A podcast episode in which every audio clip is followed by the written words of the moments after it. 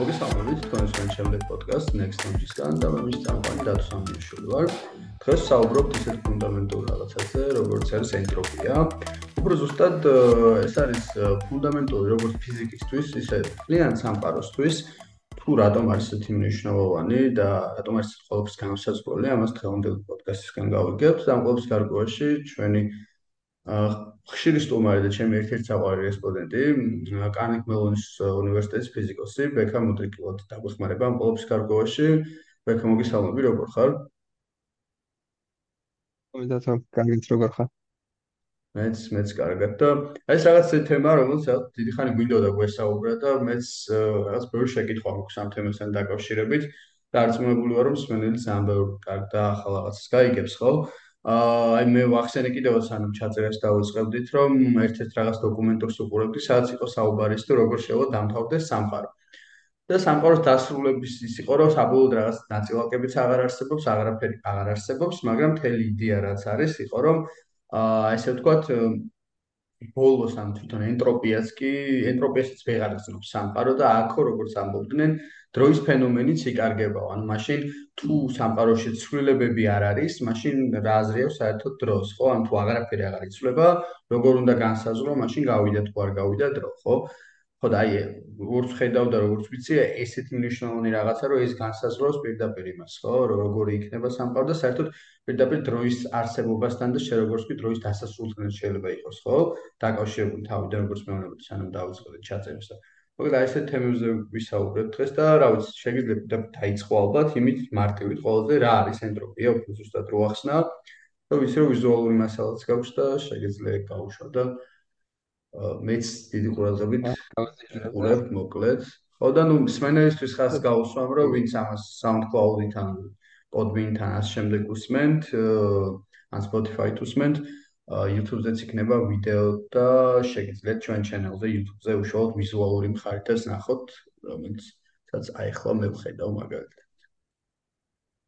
კი, კი, როგორც აღნიშნე, ძალიან ფუნდამენტური არის ენტროპია და ეხლა თიზერად შეგვიძლია ვნახოთ რეებს დავფარავთ დღევანდელ საუბარში და ნუ თავარი რაც აქ კიდე რასაც შევპირდები ყო ჩემს მენელს და მაყურებელს არ გამოვიყენებთ არც ერთ ფორმულას.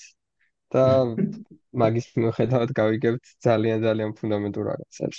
ნუ თავიდან გავიგებთ რა არის ქაოსი და ენტროპიას გამომარტავთ და მე ნახავთ რომ სკოლაში ან სხვაგან თერმოდინამიკას რო სწავლობენ წლების, სინამდვილეში ნახავთ ასევე ბევრ ტყუილს, რაც იყო მანამდე რომ გვეგონა აი ეს კანონია, ეს კანონია, ეს კანონია, ყველაფერი გამომდინარეობს ენტროპიის და ენტროპიის ზრდიდან. ნახავთ მთლიან თერმოდინამიკა როგორ გამოდის მხოლოდ ერთი იდეიდან და რატო არ ეგეს ტყუილი? მე ვნახავთ კიდე ენერგიის მუდმივობებს და დავარღვევთ მაგას ბევრჯერ. მიუხედავად ისა რომ ვიზახდეთ სულ ენერგია უნდა ინახებოდეს, ვნახავთ რომ ენერგია არ ინახება. და გავიგებთ რა არის უფრო ფუნდამენტური ვიდრე ენერგია. და ვნახავთ ასევე დროს, რომელიც არც დრო არის ფუნდამენტური და გავიგებთ დრო ფაქტიურად რისგან გამოდის. და ამ დროს თავისი დასასრულიც რო აქვს მაგალითად მივალთ როგორც თქვი. აი ძალიან საინტერესო რაღაცა ჩვენ სამყაროში. მას ენერგიის მუდმივობაზე ძალიან დამაინტერესა. შეგაწყვეტინე ხა რეალურად, მაგრამ ძალიან დამაინტერესა, იმიტომ რომ მე ცოტა ისე მესმის ეს ენერგიის მუდმივობა და მაინტერესებს რაც. კი, მაგას ნახავთ, რომ ენერგია არა ფუნდამენტური და რაც ინახება ინფორმაცია.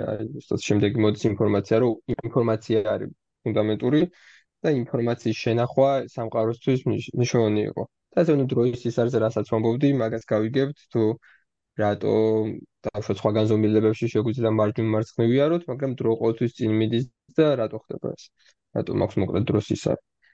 და ისე ვიყურებთ მე შავხროლებზე, იმიტომ რომ ინფორმაციული პარადოქსი შეიქმნა ზუსტად მაგით. ახავთ ასევე ამ ყველაფრის გამო რატო ფართოვდება სამყარო და გავალთ ზუსტად დროის დასასრულზეც კი. ნახავთ სამყაროს არა მარტო სამყაროს ბოლო, თავად დროის ბოლო, იმიტომ რომ ერთ დროში შეება მილიონი სამყარო იყოს და უყვარული შეიქმნა განადგურდა ბევრნაირი რაც multiverse-იც იყოს ხო? მაგრამ დრო ამ ყველაფრისთვის რაც ერთი თუ არის, მაგ დროსაც კი ექნება ბოლო წერტილი, რომ ის იქით აღარ იქნება გასასვლელი და ეგ როგორ გამოჩნდება. და მე ვილაპარაკებ სულ ბოლოსკენ, რომ ეს ყველაფერი შეიძლება უკვე მოხდა და სამყარო кайხნის დამსრულებულია და რას ყველაფერსაც ხედავთ, ეს არის უბრალოდ წინა სამყაროს სიზმარი. სულ ბოლოს მაგი დავამთავრებთ, რომ ჩვენ ყველაფერს რასაც ხედავთ, ჩვენი ტვინები, ჩვენი ჩვენ ჩვენი სამყარო პლანეტები, galaktikები არის უბრალოდ წინა სამყაროს სიზმარი, რომელიც წამიერად ქრება და ჩდება ხოლმე და გონია რომ არსებობს. ну მაგისთვის დაგვჭირდება ცოტა თერმოდინამიკის გაგება. და შეგვიძლია დავიწყოთ ხა. და თუ მითხარი რამე? არა, არა, ჩემი გაოცება გამოვხატე უბრალოდ. ოკეი. ის ამის ალბათობა შეგვიძლია დავთვალოთ რა რა შანსი არის რომ სამყაროს სიზმარი არ ვიყოთ და 1%-ზე გაცილებით დაბალი შანსი არის რომ რეალური სამყარო ვიყოთ. ამიტომ მოსასმენი 1%-ზე დაბალია შანსი რომ რეალური სამყარო ვიყოთ და 99%-ზე მეტი არის იმის შანსი რომ უბრალოდ წყალებში როგორც შენოთ სიზმარი სამყარო შევიყოთ? კი, გაცილებით მეტი 99.99999%. რაზე დაყრდნობით შეგიძლია ეგ? ანუ მივალთ მაგამდე და ნახავთ ზუსტად აი ეტყობა ანუ მაგვალ ეს მომენტო мотиваცია რომ საწყის ნაწილი იქნება ენტროპიის გაგება და ენტროპიის გაგება ღირს მაგიტო რომ მე შეგვეძლოს მაგის გაგება რატო შევავიყოთ სამყაროს სიზმა. ვაუ, мотиваცია ბევრი გვაქვს. აა. მივიწყოთ ახლა და ნუ პირველ ენტროპია ყველაზე მარტივი განმარტებით შეგვიძლია ვთქვა არის რომ ქაოსის აა ქაოსის ზომა არის. აი მაგალითად მარცხნივ უფრო ხედავთ რომ გაცილებით მეტი არის ქაოსი ვიდრე აქეთ ხო? ანუ მარტივად შეგვიძლია ამის წარმოქმნა რომ კი ეს უფრო ქაოტურია. ანუ რა ბევრი მდგომარეობაა. მაგრამ ეს შეგვიძლია თქვა თუ პირდაპირ რომ მარცხენა მდგომარეობას აქვს უფრო დიდი ენტროპია.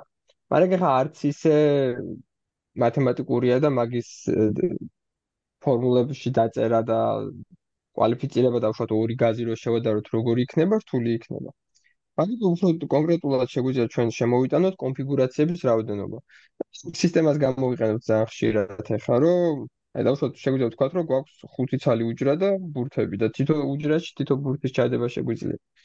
ახლა ამ შემთხვევაში მარჯვენა მხარეს გვაქვს ზუსტად ერთი კონფიგურაცია მეტი ვერ გვექნება.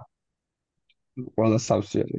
აქ ამ შემთხვევაში თუ ჩვენ გვაქვს სამი ბურთი და ხუთი უჯრა, გაცილებით მეტი კონფიგურაცია შეგვიძლია გავაკეთოთ, შეგვიძლია ეს აქეთ გქონდეს, შეგვიძლია ეს აქეთ გქონდეს. გაცილებით მეტი არის კონფიგურაციების რაოდენობა აქ. და რადგან სხვადასხვა ფერი აქვს, ეს კონფიგურაციაც რო გავუცვალოთ და უშოთ აა ლურჯს და ყვითელს ადგილები, ეგეც სხვა კონფიგურაცია იქნება. და ეს არის თელენტროპიის დეფინიციაც ახლა რომ ენტროპია არის კონფიგურაციების რაოდენობა. უმეტესობა ქართულად მიწერეს ინგლისურად არჩევ. აჰა. ეს ფაქტურად იქნება საკმარისი მთელი ჩვენი მომავალი ამ საათის ისრის მოვლისთვის, მოგზაურობისთვის, რომ გავიგოთ, რომ ენტროპია უბრალოდ არის რამდენი განსხვავებული კონფიგურაცია შეიძლება კონდეს სისტემას. ხო. ძალიან ინტუიტიურია ესეთი აღქმა და ფაქტობრივად ჯადოსნურს არაფერს ვიზავთ.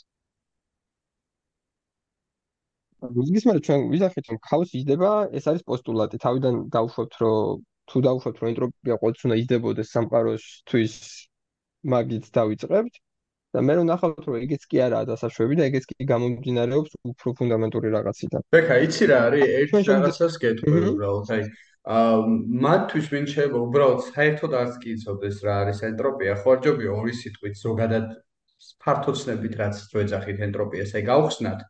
და მე წავიდეთ ესეთ რაღაცებში, რომ შეიძლება ვიღაცას უბრალოდ გაუჭირდეს, რომ გამოგყვეს, რომ საერთოდ რა ზელაპარაკობენ ესენი რა ქაოსი და რა დროში ენტროპია, ხო არ ჯობია ეგრე ვთქვა სიტყვაზე. ყოი კონფიგურაციებით შეგვიძლია კიდე იმას ვთქვა, რომ მაგალითად თუ ჩვენ ავიღებთ წყალს და ჩავაგდებთ რამე საღებავს, ეს საღებავი გაიშლება დროსთან ერთად. და ეგ იმიტომ გაიშლება, რომ ეგ უფრო ქაოტური არის, ვიდრე წარმოვიდგინოთ, რომ ეს ყოველ მთლიანით ეს საღებავი ზუსტად ერთ წერტილში შეიკრეს რაღაც კუთხეში გაჩერდეს. ხო, იმიტომ რომ სიცხეში იქნება. და ის მეორე შემთხვევა ნაკლებად ქაოტური არის, ცოტა მდგომარეობა გვაქვს, ერთი ცალი მდგომარეობა ზუსტად როგორც აქ. და პირველ შემთხვევაში კიდე გაცილებით მეტი გაცილებით მეტი ვარიანტი გვაქვს სისტემას რო კონდეს, ხო? ხო და ეგ არის ენტროპია მაგალითად. ანუ საშუალება სხვანაირად ხო ანუ ენტროპია შეგვიძლია ვთქვათ რომ არის ის რომელიც უფრო ან რაღაც ქაოსისკენ მიდის საბოლოოდ მუსისკენ მიდის და ანუ აი მარცხენა და მარჯვენა სისტემა რო შევადაროთ, ან აქ მარცხენა და მარჯვენა სისტემა, რამდენი განსხვავებული მდგომარეობა შეგვიძლია გქონდეს. ჰმმ. თუ თქვენ გვაქვს მარტო ერთი უჯრა და ერთი ბურთი და ვერაფერს გავაკეთებთ სხვას, მაგის ენტროპია არის ერთი ზუსტად, ერთი ვარიანტი შეგვიძლია გქონდეს. და აქ ახლა როგორც ვაჩვენებდი, ბევრი ვარიანტი შეგვიძლია გქონდეს, ეს ერთი ვარიანტია, ხო? ამის გარდა შეგვიძლია გქონდეს დაუშვათ სხვანაირი ვარიანტი თუ ლურჯი აქეთ იქნება.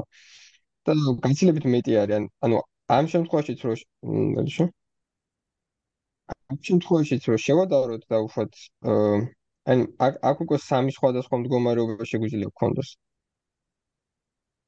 და მეორე მხარეს მხოლოდ ერთი. და მაგიტო ამ სისტემის ენტროპია არის მეტი, სამჯერ მეტი, უფრო მეტიც. შეგვიძლია გქონდეს სხვადასხვა მდგომარეობები. ცხოვრებისეულ რაღაცებს თუ წარმოვიდგენთ, თუ ყველაფერს გავყინავთ, მაგის ენტროპია დაბალი არის. და როცა რაღაცებს გავაცხელებთ, იქაც ქაოსი იზრდება და მეტი მდგომარეობა იქნება. იმიტომ რომ გაყინულოდ ვინახავთ ხორცს, მაგაში. კი, ახლა ვიდრე შემთხვევაში იმის ნაკლებია. ანუ მეტი ანუ რაღაც მეტად ქაოსური არის, მაგრამ მარცხენა სურათი რო უფრო ქაოსური არის, ვიდრე მარჯვენა სურათიდან დალაგებული არის. აჰა. ეგ ეგ არის ფაქტორად ენტროპია, რომ რაც უფრო მაღალი არის ქაოსი, უფრო მეტი არის ენტროპია.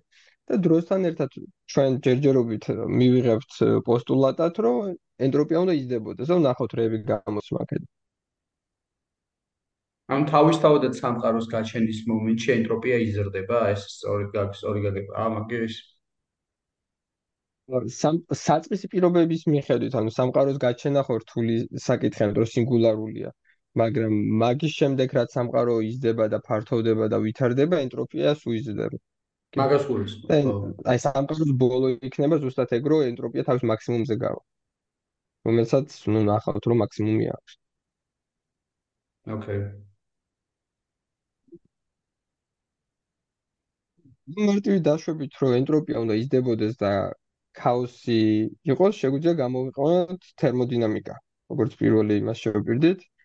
თერმოდინამიკას, რომელსაც სკოლაში, ანუ უნივერსიტეტშიც ხალხი სწავლობდა და ფორმულები და ეგენი იყო, რეალურად კანონები არც არის, თუ არც გვესმის ენტროპია ამ თერმოდინამიკის კანონის გამო შეგვიძლია გამოვიყენოთ ძალიან ტექსტ ეგ მეცნიერება. და ნუ გამოგვადგება შემდეგ უკვე სხვა კითხვების პასუხების საკონო. ნუ ნულოვანი კანონი ენტროპიის არის ესეთი, რომ ჩვენ თუ გვაქვს ცხელი და ცივი ობიექტები და ერთად კონტაქტში გავაჩერეთ უსასრულობა დრო, რაღაც მე ისინი ერთ ტემპერატურაზე დაჯდებიან.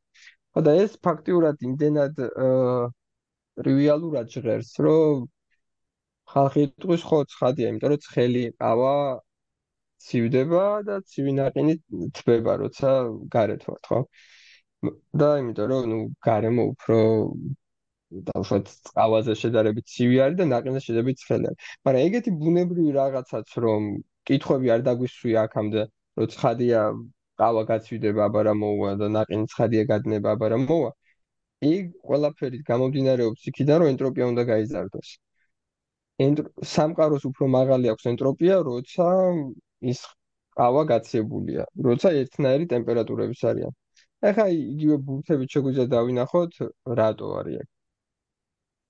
აი, ჩვენ ახლა გვაქვს როგორი სიტუაცია, რომ დავშოთ ეხლა მარჯვნივ რაც გავხსენი, ეს არის ზუსტად ამის ანალოგია. სადაც გვაქვს ცხელი და ცივი, ახაც ცხელი შეგვიძლია ვთქვათ, რომ სავსე არის მაღალი ტემპერატურის და ეგ цаრიელი არის.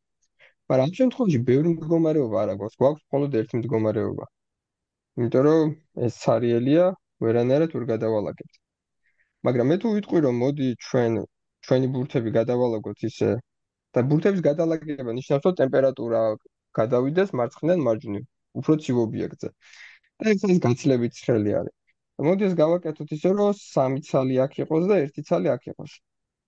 აქ ეხლა ამ შემთხვევაში ხომ გაცილებით მეტი ვარიანტი შეგვიძლია გქონდეს მდგომარეობის. შეგვიძლია ეს ბურთი აქ იყოს, ეს ბურთი აქ იყოს. ეს ფორმალის მეორე მდგომარეობა. ანუ ეს ხო ჩანს დავშოთ ამ შემთხვევაში უფრო მეტი ვარიანტი რა რატო შეგვიძლია გქონდეს? რომ მეტი ცარიელი სივრცე ну აქაც უკვე ცარიელი სივრცე რო გავუჩი და შეგვიძლია ესენი აქ სხვანაირად გადავალაგოთ და ბევრი კონფიგურაციები გქონდეს. მანამდე მხოლოდ ერთი კონფიგურაცია გვექნებოდა. და ყველაზე კარგი არის როცა ესენი იქნებიან თანაბრად გადანაწილებული. იმიტომ რომ დავხოთ ამ ორი ციფრი როცა გვაქვს დავხოთ და მაგათი ჯამი უნდა იყოს 4 რადგან ეს კომბინაციები მე მრავლდება ერთმანეთზე ხო როგორც გამათელს ვაგორებთ 6 ცალი რო არის ერთი ვარიანტი და მეორეც 6 ჯამში 36 ვარიანტი გვაქვს.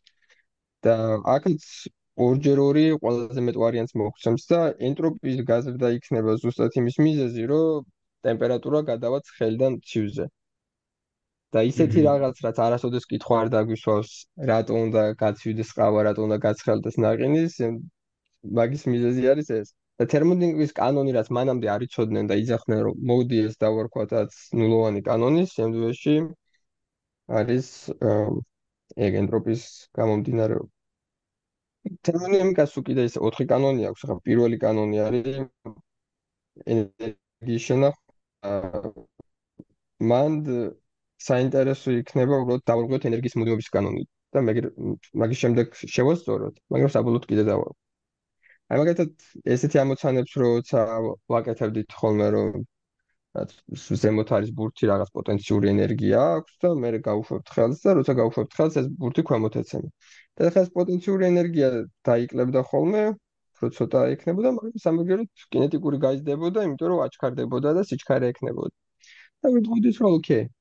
არა ესეთი კითხვა მაქვს რომ სულ ბოლოს რო დაეცა, ამ შემთხვევაში ყველა ენერგია დაკარგა. სიმაღლე აღარ აქვს ძირსარი და გაჩერებული არც სიჩქარე აქვს. და საწავიდა ენერგია ისე ჩანს თითქოს რომ დავარღვიოთ ენერგიის შენახვის კანონი. და მომდეში გვაქვს ფოტოს რომ რაც ენერგია არ ინახება. მაგრამ ნუ სიამდვილეში ინახება უბრალოდ ცოტა სხვანაირად. სიამდვილეში მოხდა ის რომ ეს ბურთი რო დაეცა ეს ადგილი გათბა. და მაგან შეგვასწორებინა ენერგიის მოდობის კანონი პირველი რომ ვთქვით რომ ენერგიის ფორმა არის სითბოთი. და ეს სითბო არის ძალიან დაკავშირებული ენერგიასთან, იმიტომ რომ სითბოს ენტროპიასთან, იმიტომ რომ სითბოს აქეთ-იქით სიარული იყო ზუსტად ჩვენი ენტროპიის ზრდა. და ეს სითბო, რომელიც უფრო ფუნდამენტური არის და ასწორებს ენერგიის მუდმივობას, ეგ უზრუნველყოფს იმას, რომ ყოველთვის სამყარო პროგრესირებდეს ისე, რომ ნუ ენტროპია იზრდებოდეს და იზრდებოდეს. ფაქტ მე საინტერესო დიდათ არა არაფერი და ნუ მეორე კანონი თერმოდინამიკის არის რომ პირდაპირ ენტროპია იზრდება დროში და მაგას ჯერჯერობით უშვებთ რომ არის აა ფუნდამენტური პოსტულატი და მე მაგასაც გამო აი ეგ შეკითხვა გამიჩნდა ხა ეგ შეკითხვა გამიჩნდა რომ აა იზრდება დროში ხო ამბობ და დაუშვათ რომ მოახდინოს კლება თეორიულად შესაძლებელია ეგ რაღაც reverse universe პრონჩი რაღაც თითქოს უკან წასვლა დაიწყოს სამყარო პირობითა და რომ ჩემი გაგებით რამდენად სწორად ვაყალიბებ ფაზას არ ვიცი. შესაძლებელია ეგ თეორიულად? კი, ოღონდ მაგის ალბათობა იქნება ერთი გაყოფილი 10-24-თან. ანუ მაგასაც ვნახავთ რატო, მაგრამ დაახლოებით მაგის ალბათ ენტროპია რო შემცირდეს, მაგასაც დავინახავთ, კაი კითხვაა ძალიან. მაგრამ მაგის ალბათობა იქნება 10 1-24-0-ით მაგდენით უფრო ცოტა ვიდრე ენტროპია რო გაიზარდოს. და ძალიან დიდი ხანი რო დაველოდოთ, ეგეც მოხდება. აი ისევ იმას რო დაუბრუნდეთ, საღებავი რო ჩავაგდოთ წყალში ხო გაიშლება და ძალიან დიდი ხანი რო ველოდოთ, რაც 1.50 ტრილიონი წელი დაუშვათ. რაღაც მომენტში დავინახავთ, რომ ყველა მოლეკულა ისე გადანაწილდა, რომ ზუსტად ის საწყისი ბურთი შეკრეს. ვთქვათ, იქნება მაგის ალბათობა ძალიან პატარა. იგივე რაღაც ენტროპიის შემცირებად. ეს რაღაც იმას ხო არ გავს სიტყვაზე რო ადგენა მაიმუნი დასვა პიანინოსთან რაღაც მომენტში დაუკრავს ბეთჰოვენის და შოპენს ხო შვენიერი მესამე მესამე ანონი რაც თერმოდინამიკის იყო არის რომ ტემპერატურას თუ გაუშვებდით 0-ში, ენტროპია მიდიოდა 0-ში და ესეც რაც კანონად ისწავლებოდა. მაგრამ ეხლა ის რა ხდება, რომ სანამ ტემპერატურა გვაქვს, ჩვენ გვაქვს ბევრი მდგომარეობა, იმიტომ რომ ზოგი აქეთ მიფრინავს, ზოგი აქეთ მოფრინავს ეს ნაწილაკი და მაღალი ენტროპია, იმიტომ რომ ბევრი სხვადასხვა ვარიანტი გვაქვს კოსმოსზე. თუმცა კი გამოვთავთ ჩვენ გაცხელებას, ნიშნავს ყველაფერს გავყინეთ. ტემპერატურა თუ გავანულეთ, ნიშნავს ზუსტად ერთი მდგომარეობა გვექნება, იმიტომ რომ ყველაფერი თუ გაიყინა, ყველაფერი ძირს დაეხეთქება, ну, ენერგეტიკულად, ან ასპირობითაც ვიზუალურადაც და არანაირი მოძრაობა არ იქნება სამყაროში და ენტროპია იქნება ნული. ეს უბრალოდ ენტროპია მოკლედ გამომარტეთ, რომ იყოს კონფიგურაციების რაოდენობაო, მეტი არ გვითქვი არაფერს, დამოვიყვანთ თლიანი თერმოდინამიკა. თელი ეს კანონები და ამ კანონებით მე რეიწყობა ცალკე მეცნიერება, რომელიც ამდენი წელი არსებობდა. ან ყველა თლიანად ეგ გამოდის უბრალოდ იმიდან, რომ ქაოსი იზრდება და მაგასაც ვნახავთ რატო და ენტროპია არის უბრალოდ ქაოსის ზომა.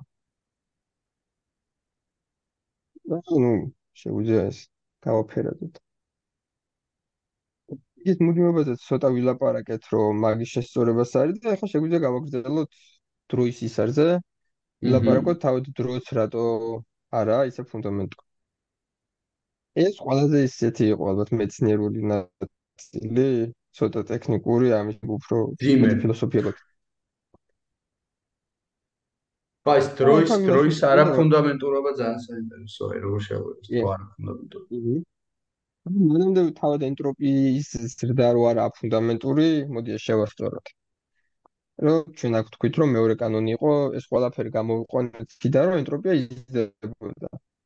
მაგრამ ახლა ვიტყვი, რომ ენტროპია იმიტომ იზრდება, რომ დავშოთ შავი ყუთი გვაქვს, აი მარცხნივაც გვაქვს ახლა და ამ შავ ყუთში გვაქვს წითელი და სამი წითელი და ერთი ლურჯი ბურთი და თვალები დახუჭული ჩავყავი და რაღაც ამოვიღე.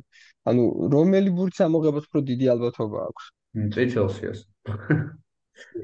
ზუსტად ნიცა შენ ხო იზახი ციტაციას და ეგაა რომ ეს ეს ეს რამდენად ეს არის რეალურად სამყაროს ფუნდამენტი რომ ეს მუშაობს. რომ ციტას რომ უფრო მაღალი ალბათობა აქვს მაგის გამო იზრდება ენტროპიაც და მაგის გამო ხდება დანარჩენი ყველაფერიც. და ნუ უკვე ისეთ სამყაროში რომ ცხოვრობთ რომ ეს ესე ხდება ნუ ბუნებრივი გონია მაგრამ რეალურად ჩვენ სამყაროს დაშვება და ფუნდამენტი ეგ არის რომ საპატარებს პროპორციულად, ანუ ყველა მდგომარეობაში ატარებს სამყარო თანაბარ რაოდენობას. სამყაროს თუ შეუძლია ქონდეს ABC მდგომარეობა, ყველაში თანაბარ დროს გაატარებს. და მაგის გამო არის, რომ ამ შემთხვევაში წითელის ალბომღების შანსი სამჯერ მეტი არის, იმიტომ რომ ეს ბურთები თუ დაფრინავენ, სამყარო სამჯერ უფრო მეტი დროს გაატარებს წითელში, ვიდრე ლურჯში. მაგას ეგ იმდენად მათემატიკურად მაგის დამტკიცება არავის არ გამოსულია მაგას სახელს დაარქვეს ერგოდეზული ჰიპოთეზა.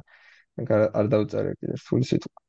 მაგრამ მაგის გამო ახლა დავინახავთ რომ ენტროპიის და არა ფუნდამენტური იმიტომ რომ აი აკრო დაუბრუნდეთ ხო?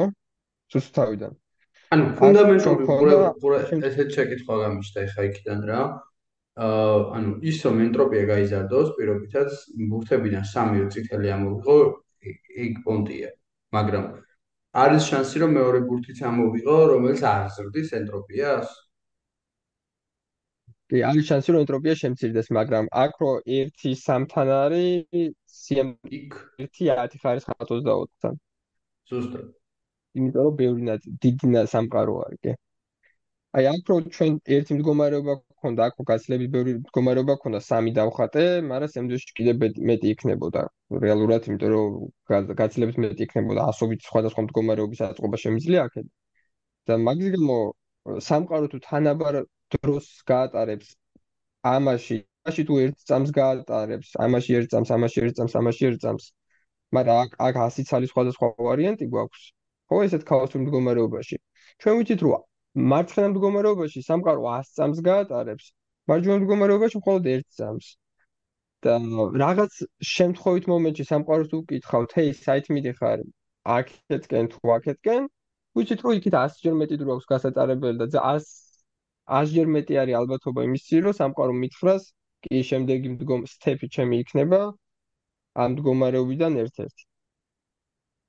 და ეგ იმიტომ რომ სამყარო თანაბარ, იმიტომ რომ ციტალს უფრო მაღალი შანსი აქვს ვიდრე ლურჯში, იმიტომ რომ ციტალში უფრო მეტ დროს ატარებს ვიდრე ლურჯში. და აი ესე გამოიყურება ზოგადად ენტროპია ხოლმე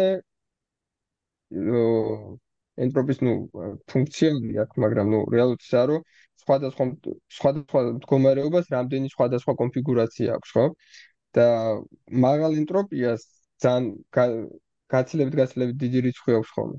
აი 10 ხარისხად 24-ს მაგითო ვამბობდი, რომ მაღალ ენტროპიაში არის ამდენი ვარიანტი, ამაში კიდე ერთი. და მაგითო სამყარო ვიცით, რომ აქ გაატარებს 10 ხარისხად 24, ანუ ერთიანი 24 ნულით უფრო მეტ დროს ვიდრე დაბალ ენტროპიაში. და ეს დაბალ ენტროპია არის ყველა ანუ დაბალ ენტროპია რა არის? წარმოიდგინე ჩვენ სამყაროსთვის ყველა ატომი რომ რაღაც ერთ ხაზზე დაალაგდეს მთლიანი სამყაროში რა არის? ხო მაგის ალბათობა galaktikები დაიშალოს, ჭავხოლები დაიშალოს და ესე ერთი ხაზი გაჩნდეს. არა ნულოვანი არის. მაგის ალბათობაც, მაგრამ რამდენი უნდა ველოდოთ რომ ეგეთი რამე მოხდეს? ეგ არის მაგის ალბათობა რომ დაახლოებით ეგეთი შანსია. დაახლოებით ეგეთი შანსია. ნუ ნუ ხო. რაღაც შემთხვევით მომენტში აი თუ არის ის სამყარო და ჩვენ ვკითხავთ რომ ჰეი საით მიდიხარ აქეთ მიდიხარ თუ აქეთ მიდიხარ? ჩვენ ვიცით რომ სამყაროს აქეთ გასატარებელი აქვს 10 ხარისხად 24 ჯერ მეტი დრო ვიდრე აქეთ და მაგიტო სამყარო იტყვის 10 ხარისხად 24-ში უფრო ხშირად ამ კითხვის დასგეს ან აქეთ მივდივარ აქეთ მივდივარ აქეთ მივდივარ ძალიან ტრილიონი შერხა შეფე პატარაზე აქეთ წამოვიდეს მაგ კვანტური ფლუქტუაციები არის ზუსტად როცა ენტროპია მცირდება, მაგრამ ძალიან ძალიან პატარა ალბათობით. და მაგით ვარი რომ ენტროპიის ზრდაც არაა ფუნდამენტური, იმიტომ რომ აუცილებელი არაა რომ ენტროპია გაიზარდოს. ძალიან მარტივად შეიძლება შემცირდეს, უბრალოდ პატარა ალბათობა მაგის. გაცილებით მეტი ვარიანტი გვაქვს რომ ენტროპია გაიზარდოს, ვიდრე შემცირდეს. და ეგ უბრალოდ იმიტომ რომ სამყარო ატარებს თანაბარ დროს ყველა მდგომარეობაში. უბრალოდ იმიტომ რომ როგორც თქვი ასნა წითელი სამოღების შანსი უფრო მეტია ვიდრე ლურჯის. უბრალოდ 10 ხარისხად 24 წითელი არის და ერთი ცალი ლურჯი არის. და მაგიტო იზრდება ენტროპია. რომ უბრალოდ მეტი ვარიანტია იქ ვიდრე აქ. ენტროპიის მაგიტო აი მაგიტო მინდოდა ენტროპია მასე განმემართა როგორც კონფიგურაციების რაოდენობა. იმიტომ რომ მაგის შემდეგ უკვე ბუნებრივად ჩანს რატო უნდა გაიზარდოს რა ენტროპია. ხო ეს უბრალოდ ეხა მინდა რომ კიდე მსმენელისთვის ცოტა კიდე ხაზი გაუსვათ იმიტომ რომ ვიღაცას შეიძლება ეგონოს რომ აი თითქოს აი მაგალითია ეგ ბუნებრივი და მოცემულობაა რომ ეგეთ რეალობაში ვარ ჩვენ ამ პლანეტაზე რომ სიტყვაზე ყავაცივდება ნაყინი დნება ხო? მაგრამ იგივე ფუნდამენტზეა რეალურად მთლიანად სამყაროც ხო? ანუ მე ვსაუბრობ კოსმოსზე ხო რაღაცას აჰა ანუ მე ხო სწორედ მესმის რა სკოლის ხო ვიცი რომ აი სამყარო ხო თავიდან ძალიან ცხელია. ანუ რამდენად არის ეს პირდაპირ კავშირში მაგას? სამყარო თავიდან ძალიან ცხელი ხო ისეთი ცხელია თავიდან პირველ გაჩენის მომენტს გულისხმობ რა რომ რაღაც ნაწილაკებიც კი ვერ გაძლებდა ხო დაიშლებოდა ყველაფერი რანაირად ხო ცივდება სამყარო და ანუ რაც უფრო ფართოვდება უფრო ცივდება და ეს არის მაგის ესე ვთქვათ ამოძახილი ანუ რეალურად ძალიან ძალიან ძალიან კაი კითხვა ეგ ძალიან კაი კითხვა არის. აი ფიზიკაში ვისაც მეტი ჩავხედავს, ყველაზე აიკონიკ ციგნი არის ლანდაუს მინიმუმი. ერთ ლანდაუ თუ ის ფიზიკოსი ვინც იყო, აი აი მე-20 საუკუნის ერთ-ერთი ყველაზე დიდი გენიოსი იყო ალბათ. და ნუ მაგაზე კარგი თეორიული ციგნები არ დაუწერია და ენტროპიას არის სტატისტიკური ფიზიკის ნაწილი ერთ-ერთი და იმ ციგში აქვს ზუსტად ეგ კითხვა დასმული ხა შერაც თქვი. რომ ის ციგნი ეგრე იწყება, რომ ჩვენ ვიცითო, რომ ენტროპია უნდა იზრდებოდესო, ანუ ერთნაირ ტემპერატურაზე უნდა მიდიოდესო, ახლა მეც ვთქვი, ხო? მაგრამ მე პროტესტი შეგვიძლია გამოვხატოთ და ეგაა შენი კარგი კითხვა, გუსტად ეგ პროტესტი, რომ სამყარო რა დრო გადის ერთ ტემპერატურაზე კი არ მიდის, პირიქით, ჩვენ გვაქვს -273 გრადუსი სიცარიელები და გვაქვს ძალიან ცხელ შავი ხროლები. და რანაირად არის რომ სამყარო ერთ ტემპერატურაზე მიდის, იმიტომ რომ გვაქვს მზე და გვაქვს ცარიელი ცივი კოს ტემპერატურაზე მიდის კი არა, პირიქით სხვადასხვა ტემპერატურები გვაქვს, ხო?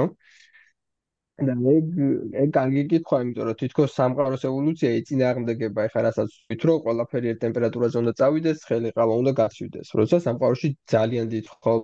ან მაგის პასუხი ის არის, რომ ძალიან დიდი ხანი არ გასულ თუ დავიცდით სამყაროს ბოლო იქნება ზუსტად რომ რადიაცია იქნება ერთი ტემპერატურის. აი ნახავთ მაგას როგორ მივიღავთ მაგას. და მანამდე იგი იმიტომ არ მოხდა სამყარო ფართოვდებოდა, ჩაკეტილი სისტემა არა სამყარო, სამყაროს ბნელი ენერგია აქვს. და ეს ყველაფერი ჩაკეტილი სისტემისთვის არის, იმიტომ რომ მე ჩაკეტილი სისტემა რა ამ შემთხვევაში არ იქნებოდა, ყავა შეიძლება დავდგა გარეთ, მაგრამ ცეცხლ რამე ისა ცეცხლის პისტოლეტი თუ დაუდექი და თან გავახურე, ხო არ გაცივდება. და ცეცხლის პისტოლეტი იქნება ზუსტად გარე ძალა. და გარე ძალის გარეშე გაიზრდება ენტროპია. და სამყაროს ცეცხლის პისტოლეტი არის ზუსტად ბნელი ენერგია, რომელიც ფართოვდება. და ანუ მაგის გამო არის რომ სამყაროს ჯერჯერობით სხვადასხვა ტემპერატურებს ვხედავთ. გვაქვს ძალიან და ძალიან ცხელი. მაგრამ სამყაროს აქვს ერთი ტემპერატურა მაინც შეგვიძლია ეკუთვათ რომ სამყაროს ერთი ტემპერატურა აქვს მაგ თელს თუ ხა დრამატულად განსხვავებული ტემპერატურები გვაქვს სამყაროში გვაქვს -200 გრადუსი ცელსიუსი galaktikებს შორის და გვაქვს მილიონი ცელსიუსი ზის ცენტრში ანუ გაცილებით დიდი სხვაობებია მაგრამ ეგ ჯერჯერობით. მაგრამ სამყაროს ტემპერატურა რო ძალიან გაიზო საშუალო აი რაღაც მაგის თქვა მითხრა აი რაღაც საშუალო ტემპერატურასავით არ შეგვიძლია თქვა აი მაგას გულისხმობ შეიძლება არასწორად დავშეკი იგი მაგრამ ნუ ეხა აი კარგი არის მაგრამ ეხა ჩვენ ფაქტურად ესეთი რაღაცები გვაქვს. ძალიან მაღალი არაფერი ძალიან მაღალი ხო? აკაც galaktika გვაქვს galaktika გვაქვს სიცარიელე შავხროლის ცენტრი. მაგრამ დრო რაც გქო ჩვენ მივიღებთ ზუსტად რომ მთლიანი სამყარო იქნება ერთ ტემპერატურაში. და უკვე ჩვენი გასაშუალებული კი არა ნებისმიერ წერტილში, აქ და galaktikis ბოლოს და ნებისმიერ სხვა წერტილში ზუსტად ერთი ტემპერატურა იქნება პროცენტის მეტრილიონედის სიზუსტე. და ეგ ენტროპია რო გაიზრდის, ეგ ეგეთი იქნება სამყაროს სიკვდილი და ეგ როგორ მიიღება, ვნახავთ მაგას. ნუ ჯერჯერობით გვაქვს ენტროპიის ენტროპ ეხა რასაც ხედავთ სამყაროს ენტროპიის მაქსიმუმზე არ არის აქ მაგიტო ბევრი აქვს გასაზრდელი ეხა სადღაც აქვს რაც კარგი ამბავია იმიტომ რომ ეგ გვაძლევს საშუალებას რომ კონდეს განსხვავებულობა და კონდეს მინიმალური ქაოსი და ქაოსის საწინააღმდეგო არის წყობილება და ეგ წყობილება გვაძლევს საშუალებას რომ კონდეს ცნობიერება კონდეს პლანეტები და ასე შემდეგ მაგრამ რა თუ გავა ყველაფერი წავა ქაოსისკენ უფრო და მაქსიმალური ენტროპია იქნება ის რომ ადრე თუ გვიან როგორ როგორც პატარა ალბათობაა რომ ეს ჩვენი ბურთი ქვემო წამოვიდეს ყოველთვის ზემოთ რო წავა ადრე თუ გვიან ჩვენ მივალთ აქ. შეგვიძლია სამყაროს მიდრეკილება სამყაროს სამყაროს მიდრეკილება ანუ რეალურად ქაოსისკენ ფუნდამენტურია ხო გამოდის სამყარო რო არის მიდრეკილი ქაოსისკენ ეგ ფუნდამენტურია კი, კი. მაგრამ ეგ მიდრეკილებად სამყაროს რამე პრეფერენცია არც აქვს. უბრალოდ ქაოს უფრო მეტი ვარიანტი აქვს ვიდრე არა ქაოს. და უფრო მეტი ალბათობით სამყარო აქეთ წამოვა, აქ და აქეთ ვიდრე პირიქით. ოკეი, ეხლა წარმოვიდგინოთ პირობითად. შეიძლება შეიძლება რაღაცა წინ გაურბივარ, მაგრამ ეხლა წარმოვიდგინოთ სამყარო, სადაც ეს ასე არ არის. ანუ მე გამიშდა უბრალოდ რა ესე შეკითხვა. პირობითად ეს ბურთები რო აღვთ ხარ ასე ვხედავთ. აა სამი არის პირიქით და ერთი არის ქაოსი. ასეთ სამყარო როგორი იქნება? ამიტომ აი რაღაც უცებ არ ვიცი, ძალიან შეიძლება საერთოდ არა რელევანტურია რა, რაღაც ევოლუციის მომენტანალურია რა, რაღაც კავშირი თითქოს ან დედამიწაზე როცა ევოლუციას განიცდის, ანუ ხო აი რაღაც ალბათობები რაც უნდა მოხდეს რა და ან მუტაციებს ასაც ვეძახით და ეს მუტაციები რო ხდება ჭალებში შეიძლება შეცდომა, შემდეგ რაღაც ახალი ფორმა მისცეს, ანუ ევოლუცია განავითაროს რა, რაღაც ახალი სახეობა მივიღოთ, სახეობას დავეხმაროთ ადაპტაციაში განმე პირობებთან. და სამყაროსთვის არის ეს რაღაც ეგეთიც, აი ეს ქაოსი, ეს ადაპტაცია რაღაც მიმართ, თუ ეს არ არის ეს კავშირში ერთმანეთთან რაღაც დონეზე. ირიბად გულისხმობ რა. და ეს შეკითხვა და მეორე ის რომ ანუ პირობითად რო იყოს ეს ერთი იყოს აა ენტროპიის საშუალება და დანარჩენი იყოს პირიქით, ესე ვთქვათ, არა ენტროპია, მაშინ როგორ იქნება? ანუ სამყაროს სხვა თვისება რო ყოფილიყოს, კარგი კითხვა, იმიტომ რომ ბევრი რაღაც ჩვენ სამყაროს რასაც უყურებთ, ჩანს რომ არის იდეალურად აა დააყენებული ერთმანეთის იდეალურად აბალანსებენ აი ოდნავ მძიმეც რო ყოფილიყო, ოდნავ ძლიერი რო ყოფილიყო გრავიტაცია, მარტო შავხროლები იქნებოდა, ოდნავ სუსტი რო ყოფილიყო გრავიტაცია, მარტო რადიაცია იქნებოდა და პლანეტები და ვარსკვლავები ვერ ფორმირდებოდა. და იგივენარად შეგვიძლია ვიფიქროთ სამყაროს რო არ ქონოდა ეს თვისება, რომ მიუხედავად იმისა, რომ წითელი გაცილებით მეტი ვარიანტია, რატომღაც დაბალი ცოტა ვარიანტი რაც არის, უფრო ხშირად ხდება, ხომ? აი ესეთ შემთხვევაში ანუ აქ რატომღაც ხელის ჩაყოფისას ლურჯი რო უფრო ხშირად დამოდიოდეს იმის მიუხედავად რომ ლურჯი იმის მიუხედავად ლურჯი უფრო ცოტაა. და ეგრეთ მეც შეიძლება სამყარო არა თანაბრად გაატარებდა სხვადასხვა მდგომარეობებში დროს. პრეფერენციები ექნებოდა ამ შემთხვევაში პირიქით ანუ ფაქტობრივად მიდრეკილება კი არ აქვს სამყაროს ქაოსისკენ სამყაროს აქვს ნულოვანი მიდრეკილება აბსოლუტური ობიექტურობა აქვს და სამყაროსთვის აბსოლუტური ობიექტურობა ის არის, რომ არ აქვს პრეფერენცია წითელის და ლურჯის მიმართ. ყველასთან ყველაში გაატარებს თანაბარ დროს. უბრალოდ თუ წითელი უფრო მეტი არის, რაც მეტი ენტროპია, ხო? უბრალოდ წითელი უფრო მეტი არის, ამ შემთხვევაში სამჯერ უფრო მეტ დროს გაატარებს წითელში, ვიდრე ლურჯში. და რაც შემთხვევით მომენტში სამჯერ უფრო მაღალი იქნება ალბათობა, რომ წითელი ამოვიდეს და არა ლურჯი. მაგრამ პირიქით სამყარო შეიძლება ყოფილიყო ან ანუ გარე სამყაროს თუ დაუძახებთ ბევრნაირი სხვადასხვა სამყაროები ყოფილიყო და ევოლუციას თუ უბრალოდ სხვანაირი სამყაროები ვეღარ გაშლილიყო და მალ და ვთქვათ მარტო შეუფროლები ყოფილიყო მარტო რადიაცია ან თავიდანვე ბიგ ბენგის მერე ეგრევე უკან დაბრუნებული. აჰა. და ჩვენი სამყაროს სეტინგი რაც იყო მაგან საშუალება მოგვცა რომ გაფართოებულიყავით და ევოლუცია კაი ის არის ფენომენი, იმიტომ რომ ფაქტურად სამყაროების ევოლუცია შეიძლება ყოფილიყო, რომელიც ჩვენი სამყარო იძლევა საშუალებას, რომ მე სხვა სამყაროებიც დააბადოს. ვარე, რატო წარმოვიდგინე, იცი მე რომ მუტაცია ქონდა. აჰა. მე რაღაც ესე წარმოვიდგინე, რომ ანუ წარმოვიდგენ თუ რაღაც ნონეზე სამყარო არ ვიცი, შეიძლება თუ არა, რაღაც ნონეზე აღვქვათ, რომ სამყაროც როგორც აი ცოცხალ ორგანიზმზე. ზოგადად აი კრეაციონიზმის იდეა რა არის რა, რომ ანუ აი ეხაც ეგ არის ხოლმე ძალიან ხშირად ხდება, რომ გეუბნებიან, რომ აი მაგათ შეხედე ყველაფერს პლანეტაზე გეუბნებიან რა, პლანეტის მასშტაბებს გულისხმობ, რომ როგორ ყველაფერი დაალაგებულია, ის ისია, ეს ესია, ეს ესე მუშაობს, თითქოს ვიღაცის დაალაგებულია. და ამას ხედავენ ხოლმე, რომ აი ხა შენ შეხედე შენ თავს ორი ხელი გაქვს, ორი ფეხი გაქვს, აი რაც გჭირდება ის გაქვს, თვალი გაქვს, რომ დაინახო. ბავშვობაში ხშირად გქონდა ხოლმე ესეთი ესე ვთქვათ, ამას ესეთი არგუმენტებს ხშირად ხვდებოდი ხოლმე და რაღაცნაირად მაშინ ემოციურად ვიჯერებდი ამებს. ნუ აი ვიღაცა გეუბნება შეხედე თვალი გაქვს რომ დაინახო, სკვირი გაქვს რომ ისო, ხო, პირობი პირი გაქვს რომ რაღაცა ჭამო რა. მაგათაც ბაჭიები, ბაჭიები სადაც ცივა თეთრი არის რომ თოლში დაიმალონ და რა კარგად ამოწყობილ და კარგად არა ამოწყობილ, უბრალოდ შავი და რუხი ბაჭიები შეიძლება. რა თქმა უნდა, რა თქმა უნდა, მურა დათვის და თეთრი დათვის მაგალითიც იგივეა, ხო? ანუ სადაც თოვლია იქ თეთრი დათვი დადის და არ ჩანს და აქეთ ხო მოკლედ მაგის თქმა მინდა და მიუხედავად ამისა ჩვენ ვიცით ხო ეს რისი შედეგია რომ ანუ სამყაროს შეუძლია მობილობა შეუძლია. სამყაროს კი არა სიცოცხლე შეუძლია მობილობა იმ დონეზე რა დონეზე ჩვენ ვიცით დედამიწაზე და მაგით ეს შეკითხვა მაგდედავს რომ რაღაც სამყაროც ეგეთი ხო არ არის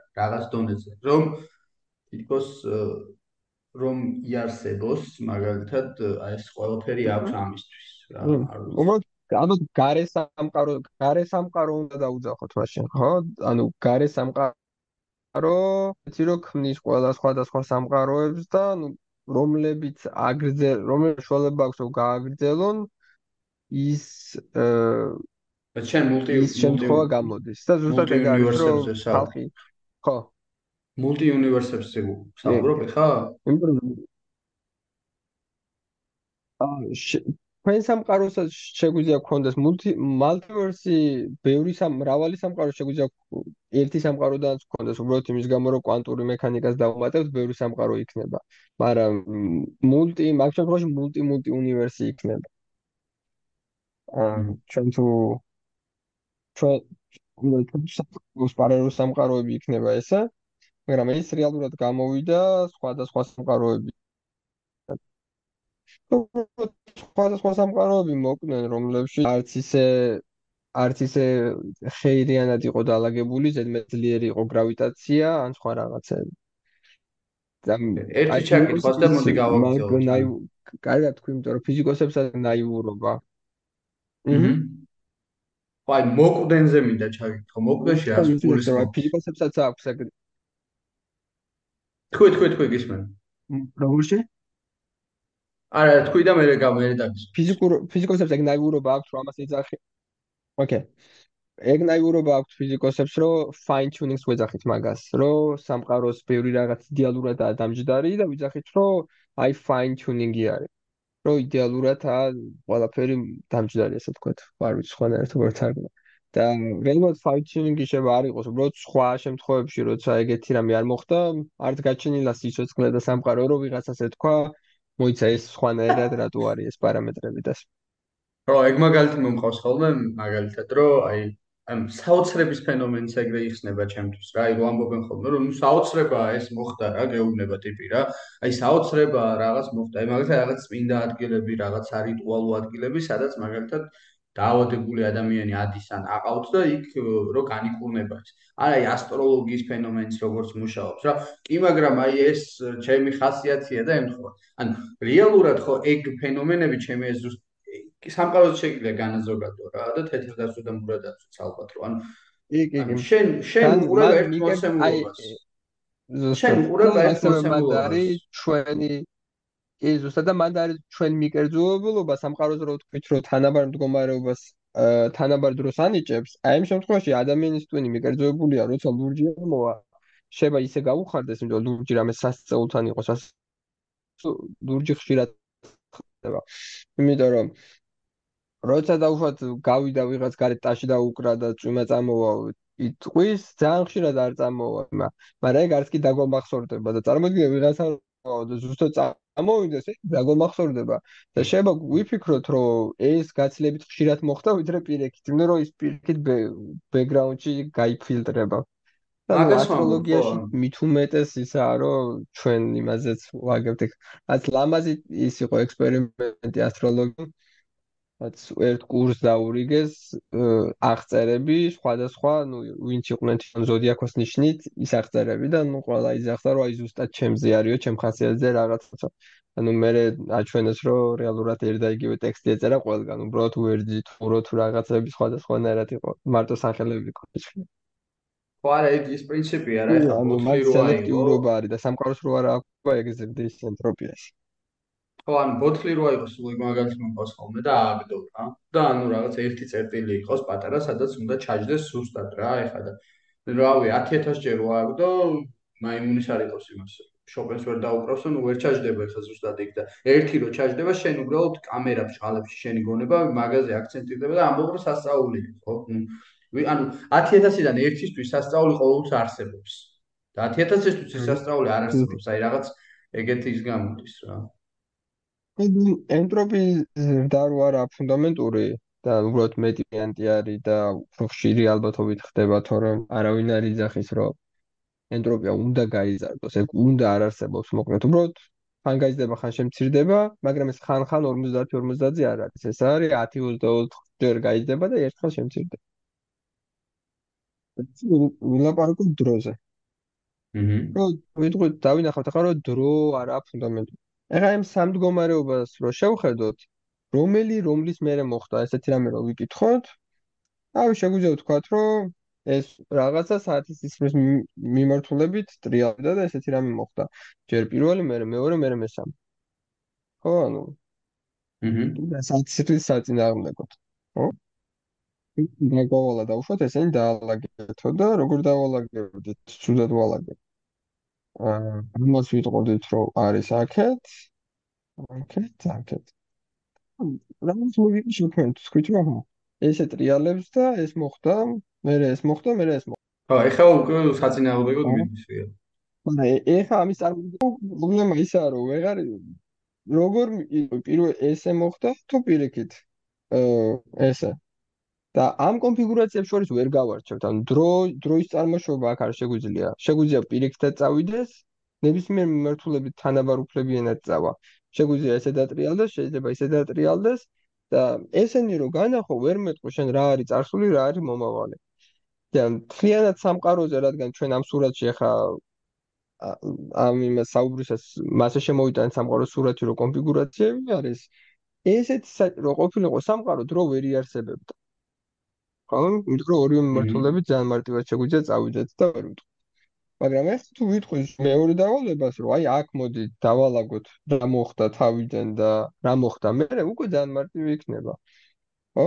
იმიტომ რომ ვიტყვით რომ ოკეი ჯერ ალბათ ეს მოხდა მე ეს და მე ეს.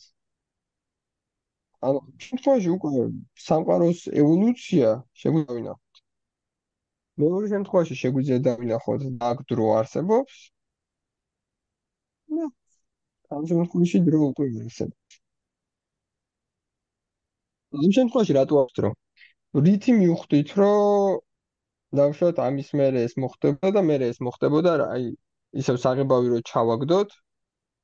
ამ ამ შემთხვევაში გაცლებით ნატურალურად დავინახეთ დრო, მაგრამ ახლა შეგვიძლია დავსვათ კითხვა, რატო შეგვიძლია ასეთ სამყაროში არსებობდეს დრო და აქ რატო ვერ მივხვდით დრო იყო თუ არა, რადგან ვერ მივხვდით ეს წინ მიდიოდა, უკან მიდიოდა. დასრულებებია და ენტროპია. აქ იზრდება. ხო. ზუსტად. ზუსტად.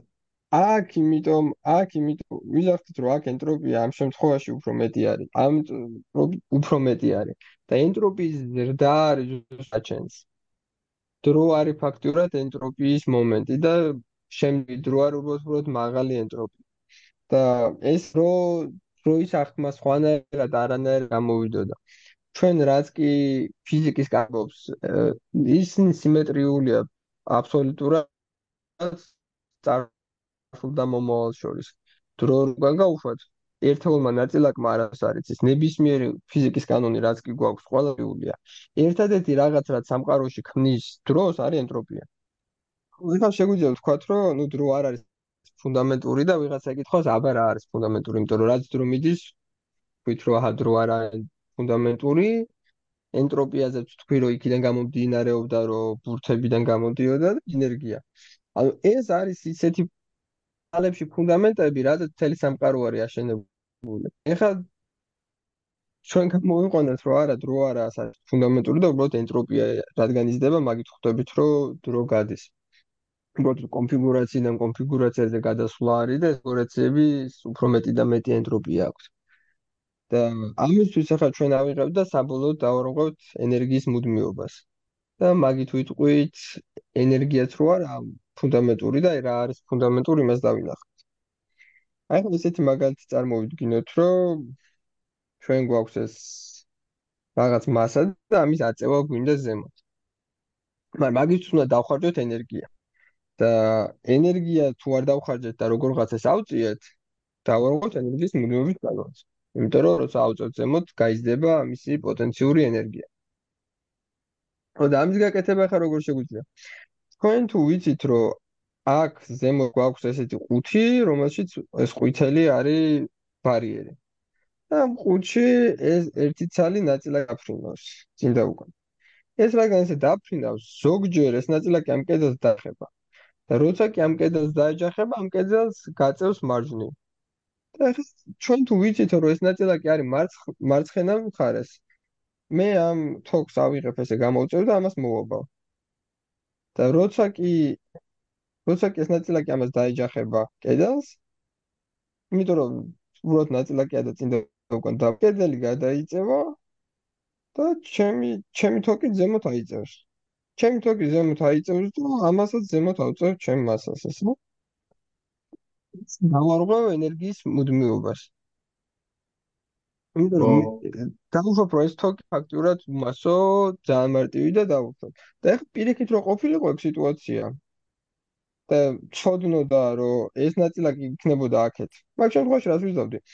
აქ უნდა დაუშვათ ნუ რომ ის არის შეგვიძლია ვასწროთ უფასოდ. უბრალოდ აქეთ გამოვასრიალებდი და ზემო რადგან არ ვწევ კიდე ენერგია არ ვარღვევ. აა აქეთ მოვაბავდი და ზუსტად იგივენაირად ავწევდი. და ეს მაგალითი კიდე მეორე მაგალითიც გვაქვს. აა ეს მაგალითი აჩვენებს, რომ ენერგიის მუდმივობა ძალიან მარტივად შეგვიძლია დავაყო ფაქტურად ესეთი სისტემით. და ის რომ ყოველთვის ვიძახდით, რომ ენერგია უნდა ინახებოდეს, რეალურად არა. არ უნდა ინახებოდეს. მაგრამ სხვაობა რაც იყო აქ, ეს რო გამოგვცლოდა, ჩვენ გვჭირდებოდა გვცოდნოდა თუ ეს ნაწილაკი მარცხნივ იყო თუ მარჯვნივ. და ეს არის ინფორმაცია. და ეს გვაჩვენებს, რომ ინფორმაცია, ინფორმაციის გადატანა შეგვიძლია ენერგიაში და ინფორმაცია არის ფუნდამენტური. ენერგია შეიძლება დაი, როგორც მანამდე შევასწორეთ, რომ ციტბო დავამატეთ, მაგრამ ეხლა დავინახეთ, რომ ეგეც კი არა ფუნდა ინფორმაციის შენახვა არის ძალიან ფუნდამენტური. სამყაროში ყველაზე ფუნდამენტური არის ინფორმაციის შენახვა. და ინფორმაცია თუ გვაქვს, ინფორმაციით შეგვიძლია ენერგიის კანონის დავარღვევ, შენახვა დავარღვევოთ. და ინფორმაცია უნდა ინახებოდეს. ისე შეგვიძლია გავარჩიოთ ამაზე ეს იმედია ისეთი იყო ნათელი რას ფიქრობ არა ნათელი იყო იდეაში ჩემთვის გასაგებია ე ე ანუ ისე რომ ესეთი ელემენტარული რაღაცით შეგვიძლია ენერგიის მუდიობა დავარღვიოთ და უფასოდ ავწიოთ ეს მხოლოდ იმიტომ თუ ვიცით სადა ნაწილაკი. ანუ ჩემ მაგალითად და ცნობილი მაგალითი არის მაქსველის დემონი. სადაც ორ ნაწილად გვაქვს ჩოლებრივი გაზი, რომელსაც ცხელი და ცივი ნაწილაკები აქვს, მარჯვნივ და მარცხნივ. ზემონი უბრალოდ უყურებს ამ ნაწილაკებს და ასს ნისან კეტავს. ეს კარია ესე რო არის, შეუძლია აიყოს ჩაკეტო. და ეხლა მე ზემონი რო ხედავს, რომ ცივი ნაწილაკი მოდის, აქეთ გამოატარებს. და როგორც კი ცხელი ნაწილაკი ის კარებს დაუკეტავს, სულგან დაიკეტება ეს ნაწილაკი წავა იქეთ. მერე ცივ ნაწილაკს ისევ გაუხსნის, კარს გამოუშვებს. ცხელს აქ გამოუშვებს და ასე უკვე მივიღებთ, ნახე, ენტროპია შევამციროთ. ესე თუ განაწილებს, უფასოდ ენტროპია შევამცირეთ, აი ენტროპიის შემცირებას რო იძახე. რატო თუ შეიძლებოდა? იმიტომ რომ ეხა ესეთ სიტუაციაში ცხელი რო გვაქვს, მთლაკე და ცივი რო გვაქვს, მთლაკე და დაბალი ენტროპია, მაგის ალბათობა წესით ძალიან დაბალი უნდა ყოფილიყო, აი ოთახში ჰაერი რო არის, რაღაც ალბათობით შეიძლება დავიხრჩოთ. თუ რომ რაღაც ალბათობით შეიძლება გადაყვიტოს ჰაერის მოლეკულებმა, რომ ყველა მოლეკულა წავიდეს და ერთ ნახევარში დაალაგდეს და მეორე სიცარიელე იყოს და ეგრე დავიხრჩოთ. ხო, არ ხდება. მაგრამ იმის გამო კი არა რამე ფუნდამენტურია, რომ ძალიან დაბალი ალბათობა აქვს მაგას. მაგრამ თეორიულად ეგეც შესაძლებელია. შეამცირებს ენტროპიას.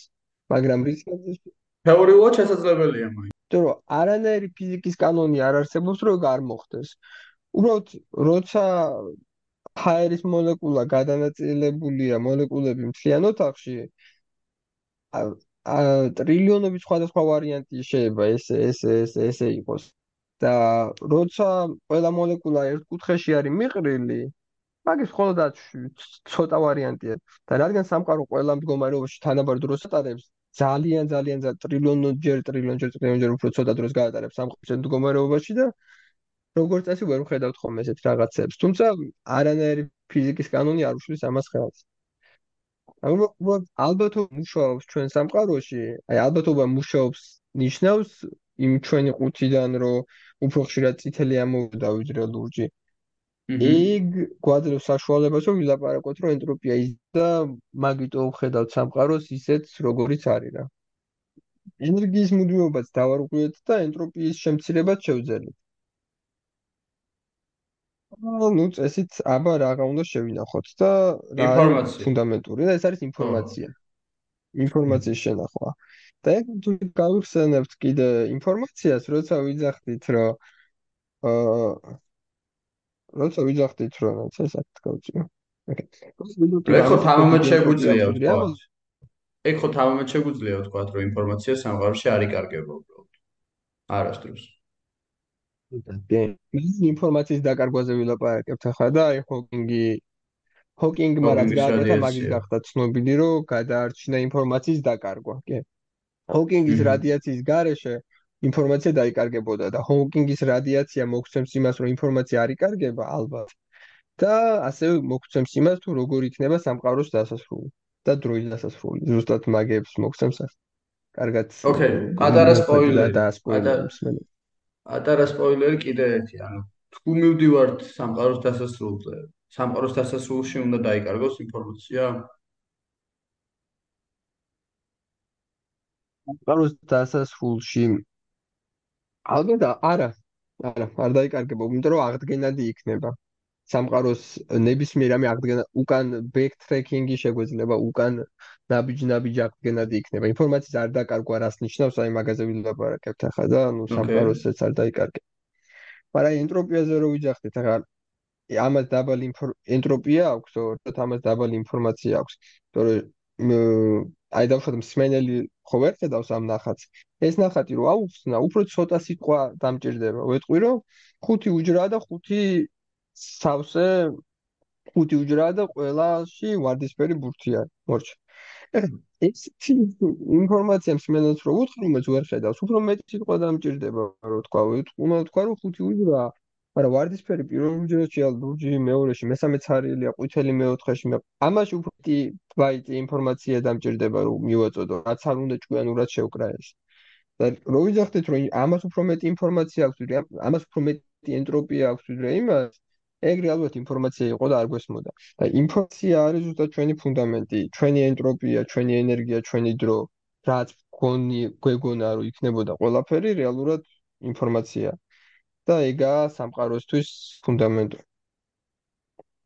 ანუ ინფორმაცია მაგიტო ეს ინფორმაციის არ ხარ რატოა?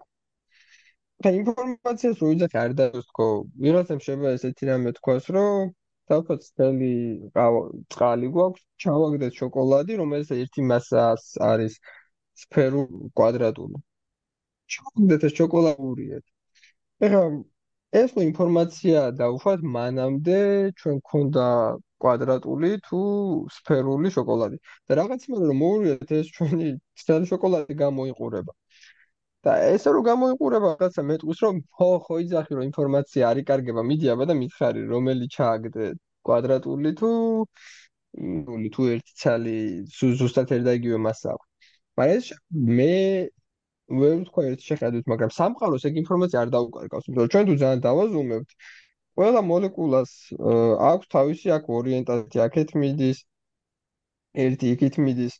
და ეს მოლეკულები ისეთი კანონებით მუშაობს, რომ ზუსტად შეგვიძლია აღვადგინოთ, როგორც დავშოთ კუთხით გასროლის ხავზე ვიძახით, რომ ბურთი თუ აქ არის, მანამდე ეს იგი აქ იყო, მანამდე ეს აქ იყო. ზუსტად მაგანონებით ჩვენ შეგვიძლია აღვადგინოთ ყველა მოლეკულა. ზუსტად შეგვიძლია ვთქვათ, ეს მოლეკულები მანამდე სად იყო და მაგით აღვადგენ ან ფაქტობრივად დროის გადახვევით, რომ ჩვენი იყო კვადრატული თუ სფერული. და ჩვენთვის შეიძლება დაიკარგოს ინფორმაცია, მაგრამ სამყაროსთვის არ იკარგება არასოდეს ინფორმაცია, ეგაა ძალიან ფუნდამენტური. აი ციგნის მაგათაც ციგნი ხო ინფორმაციაა, შენი ციგნი ან ჩემი ციგნი რო უესროლოთ მზეს და დავწვათ, აღარ გავარჩიოთ იქიდან რომელი დაიწვა, ხო? მაგრამ თუ ჩვენ დავაზუმებთ მე ეგ ინფორმაცია იქნება, აი სხვადასხვანაირი იქნება რადიაცია. და ძალიან ультра განვითარებულ ცივილიზაციას კარგი შანსიც კი აქვს რომ ზის რადიაციისგან ფოტოის ამოკრეფით თუ რა სიხშირით ირხევიან ეგ ფოტონები ძალიან შენი ციგნი ადგენენ და წაიგი იმ შემთხვევაში თუ კარგად იციან ინფორმაციის დეკრიპტირება და მაგიტო სამყაროში ინფორმაცია არ იკარგება ესა ინფორმაციის შენახვა ადამიანებისთვის შეიძლება დაიკარგოს, მაგრამ სამყარო ყოველთვის შეინახავს ინფორმაციას. აქ უკვე ყველაფერი უნდა დასრულებულიყო. მაგრამ მე გაჩნდა შავხროლები და ინფორმაციული პარადოქსი. ახლა ვილაპარაკებთ მაგას.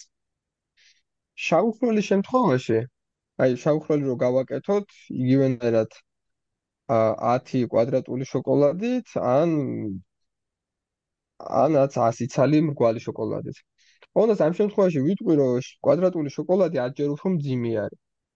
ამ შემთხვევაში ამის მასა და ამის მასა ზუსტად ერთდაიგივე რო არის, ჩვენ როგორც კი მივიღებთ შავხროლს, შავხროლი ვეღარ გავარჩევთ უკვე რომლისგან გავაკეთეთ. იმიტომ რომ ჩვენ გარჩევადობას რას ვეძახდეთ, ჩვენ რაც არ უნდა ადამიანებმა გავაკეთოთ ზუსტად ერთნაირი რამოდიზე ბურთი, ძალიან რო დავაზუმოთ, იმას ერთი ატომი იქით ექნება გადახრილი, იმას ერთი მომენტი მოლეკულა ექნება, იმას სხვანაირი მაგნიტური ველი ექნება, ექნება ყველაფერი. განურჩეველ რაღაცებს ჩვენ ვერასოდეს ვერ გავაკეთებთ, მაგრამ შავხროლები განურჩეველი არის. განურჩეველი რატო არის, რომ ჩვენ შეგვიძლია ვიფიქროთ აი ესეც იმაზე ერთიან და ნოლებით აწყობილ რაღაც სისტემებზე. ანუ განჩევადობა რას ნიშნავს, რომ 1 0 ესეთი პორტოხალი თუ არის, ან ესეთი პორტოხალი თუ არის, ხო? ერთიანი როცა გვაქვს რაღაცა, როცა არ გვაქვს. ამის ერთმანეთსგან სხვანაირი კონფიგურაციები შეგვიძლია გქონდეს, ხო? აი სხვანაირი ერთიანი ნოლი გქონდეს და გარჩევადი იყოს. მაგრამ შაუხროლი არის ესეთი რაღაცა, რასაც აქვს მაქსიმალური სიმკვრივე. რაც ნიშნავს, რომ თლია ანუ გვაქვს ჩვენ ისეთი ცხრილი, სადაც ერთიანებით სუსავსი არის. და ერთიანებით თუ გაგუსეთ ყველაფერი და ვთქვით რომ ეგაა შაუხროლიო. ერთმანეთიდან ვეღარ გავარჩევთ ერთ მეორე შაუხროლს. იმიტომ რომ მარტო ერთები იქნება. და ერთმანეთსგან რო ვერ გავარჩევთ შაუხროლებს, ეგ დაკარგავს ინფორმაციას. იმიტომ რომ გვექნება ორი ზუსტად ერთნაირი შაუხროლი, რომელიც ერთი კვადრატული შოკოლადებით გავაკეთეთ და მეორე კვალი შოკოლადებით და ვეღარ ვიტყვით რომელი რომლით გაკეთეთ. ეგ ამან გამოიწვია ახლა დიდი პარადოქსი თუ დავშოთ სამყარო კარგავდა ინფორმაციას და ეს იყო ასახსნელი და მაგ შემთხვევაში უკვე სამეცნიერო საზოგადოება გაჭედილი იყო სანამ მოვიდა ჰოკინგი და გაგარჩინა ფაქტიურად ინფორმაციის შენახვა. იმიტომ როგორც ვთქვით, ინფორმაცია ყველაზე ფუნდამენტური იყო და ახლა ისე ჩანს, რომ შავხროლები არიან სუპერ წამშლელები, რომლებიც ინფორმაციასაც ანადგურებენ. ოკეი? აჰა. აა ჰმ. ჰოკინგი მაგათა, ჰოკინგი მიფიქრა რომ სამყარო საბოლოოდ არის კვანტური და სადა რომ შეეკავშირებინა შავხროლები და კვანტური ველის თეორია. ფაქტურად პირველი კვანტური გრავიტაციის მცდელობა ეგ იყო, რომ შავხროლები გრავიტაცია და კვანტური სამყაროს თქვა. კვანტური ველის თეორია კიდე გვეუბნება ისეთ რამეს, რომ სამყაროში ყველაფერი მოხდება, რაც კი არა აკრძალული ფიზიკის ფუნდამენტური კანონებით. და უბრალოდ მოხდება განსხვავებული ალბათ. აი ხა კოსმოსს და ვაკუუმს რომ უყურებთ, აქ შეიძლება ცარიელი ჩანდეს. მაგრამ აქ სიცარიელე სიამდვილეში თუ დაოზუმებ ძალიან დუხს ვაკუუმი. იმიტომ რომ არაფრიდან შეიძლება წარმოიქმნას ნაწილაკი და ანტინაწილაკი, ძმენ ანიჰილირდეს. და ესეთი ესეთი სურათი აქვს სამყაროს, რომ ეს ნაწილაკი ანტინაწილაკები შეიქმნებიან, გაქრებიან, შეიქმნებიან, ანიჰილირდებიან. ეს ვერასოდეს ვერ იგრძნობა. მაგრამ კოსმოსით რომ შავსლა ზავს რაღაც მაგიური. და ეგ მაგია უხრას რაც აქვს არის ჰორიზონტი. აი ჰორიზონტზე თუ ვილაპარაკებთ, ჰორიზონტზე უცნაური რაღაცები ხდება.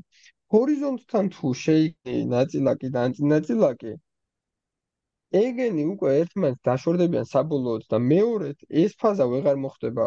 ეგენი ვეღარ შეძლებენ ისევ შეერთდნენ და ანიჰილირდნენ. ამიტომ ეს ნაწილაკი საბოლოოდ დაიკარგება. ეს ანტინაწილაკი ჩავა შავ ხროლში და შეამცირებს შავ ხროლის მასას. ეს პროცესი რადგან ბევრი და ბევრი მოხდება, ეს შავ ჩვენ მივიღებთ ესეც სურათს, რომ შავ ხროლს ექნება რადიაცია, ხროლს ექნება ტემპერატურა. ეს არის რადიაცია და ჰოკინგის გამოსხივება. და ეს უკვე გვაძლევს შანსს, რომ რადგან შავ ხროლის შავ ხროლად არ დარჩება სულ და მაგის შემდეგ გამოასხივებს ვაი და ინფორმაციაც მასე იქნება, რომ ინფორმაცია არ დაიკარგება და ინფორმაცია შეგვიძლია მასე ამოვიღოთ რადიაციით. ანუ დავიბრუნოთ ამ რადიაციით ეს ინფორმაცია, ხო, რეალურად? აჰა. აჰა.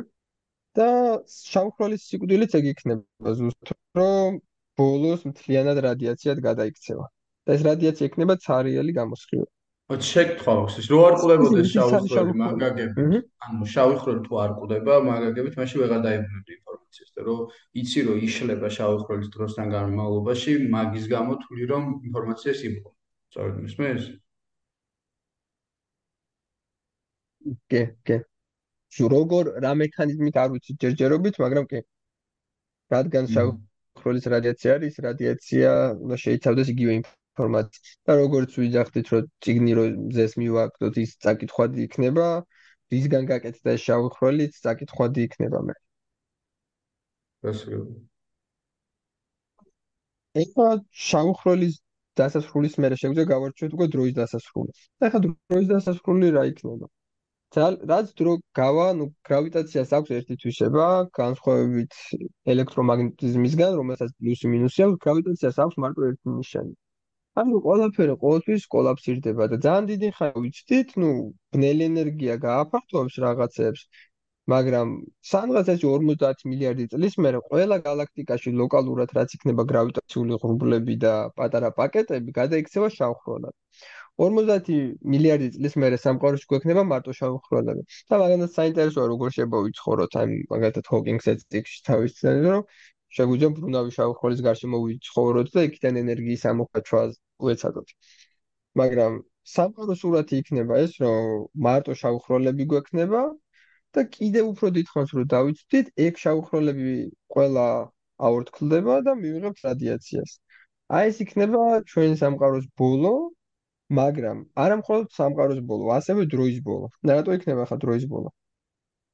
იმიტომ რომ მივაც აი ერთ სპოილერს, ერთ სპოილერს ვიტყვი.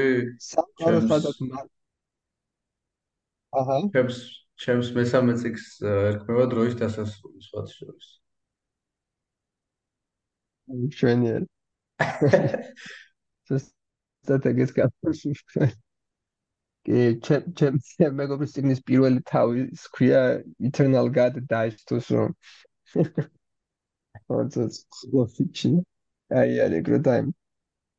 კი. სადაც დროის დასასრული, სადაც ენტროპია გავიდა მაქსიმუმზე და ძალიან პატარა ალბათობა აქვს, რომ რამე შეიცვალოს. დრო აღარ გადის, იმიტომ რომ ენტროპია აღარ იზრდება. ენტროპიას აქვს მაქსიმუმი, ამაზე მეტი ვეღარ ექნება.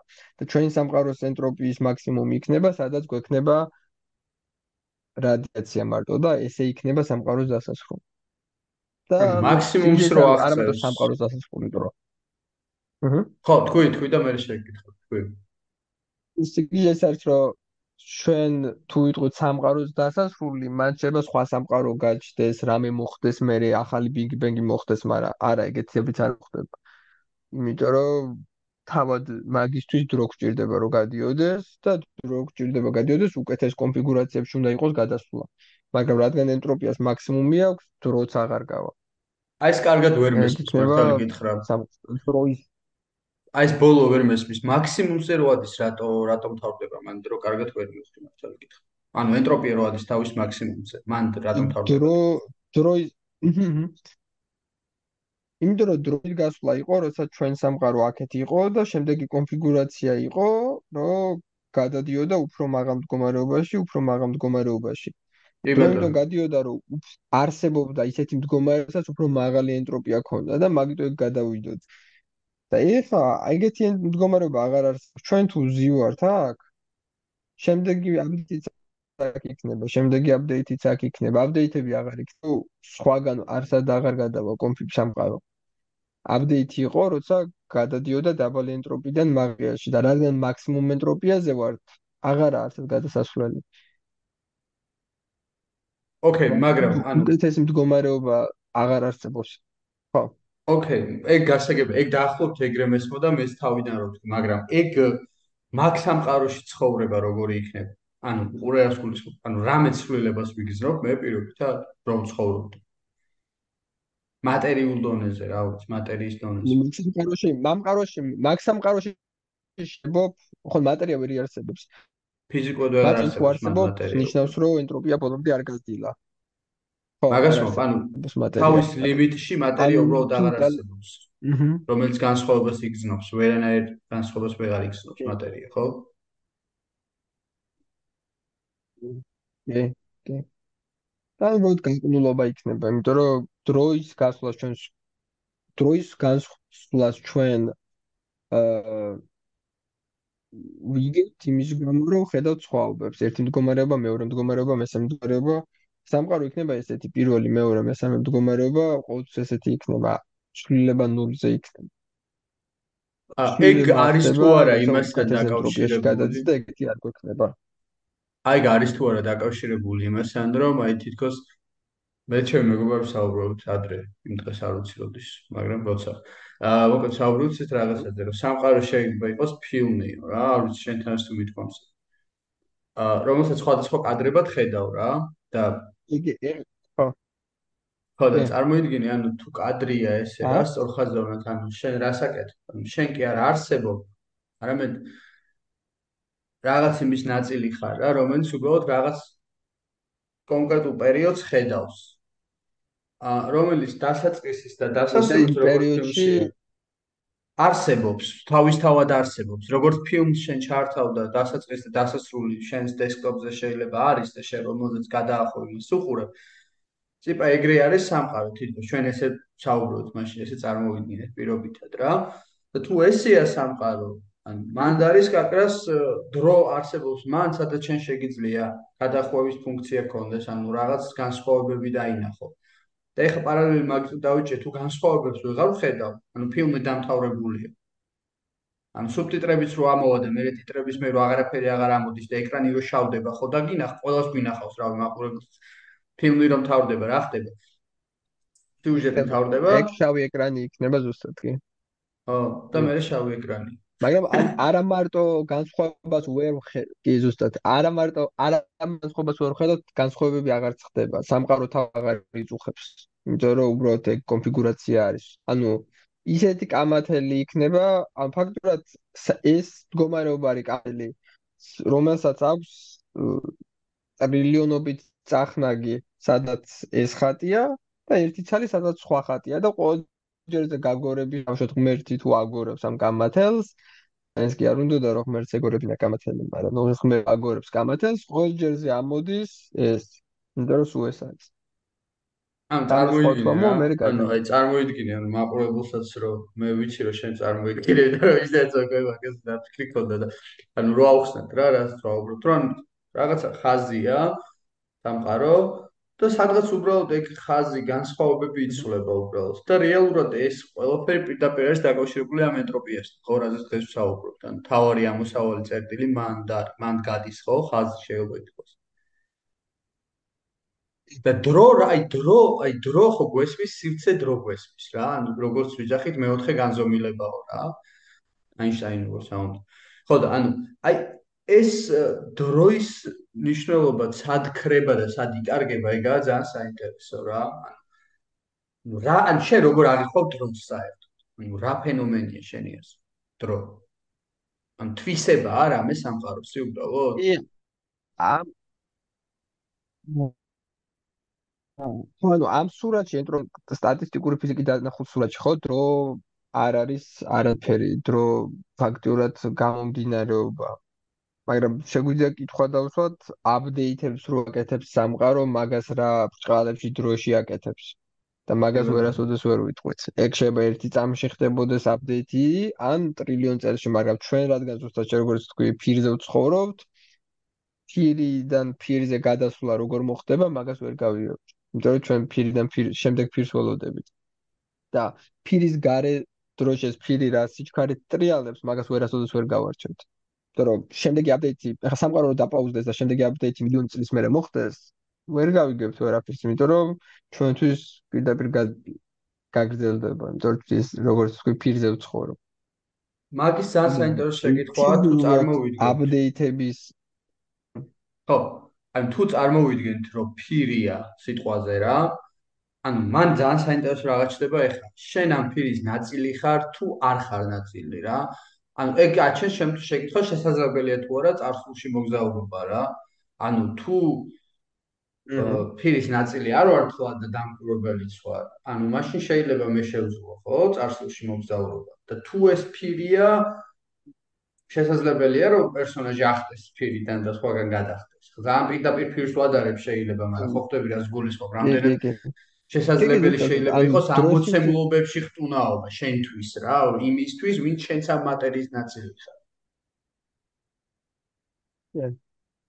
ხო, განცემთ რომ კომფორტული წარმოსადგენია, რომ შეგვიძლია ამოხდეთ ფირიდან და ნუ ჩვენ მოგზაუროთ ხომ, მაგრამ ნუ დიდი ალბათობით, ნუ საბედნიერო ზუსტად არ ვიცი და შეგვიძლია კიდევ ვიფიქროთ მაგაზე. და დიდი ალბათობით ჩვენს ერთ-ერთი კონფიგურაცია ვარ სამყაროსი იმ ბურთებით და ჩვენი ფიქრის პროცესიც უბრალოდ ზრდის ენტროპიას. ჩვენ ჩვენს ჩვენი აზრებიც კი ისეთ მოგვივა, რომელიც სამყაროში გაზრდის ენტროპიას და არ შემცი. ანუ ჩვენს ჩვენი არსებობა ყველა ერთ მომენტში არის კონკრეტული კონფიგურაცია ციცაბოთელი ბურთების. ყველა ფიქრი და ძლენ გამიცარება.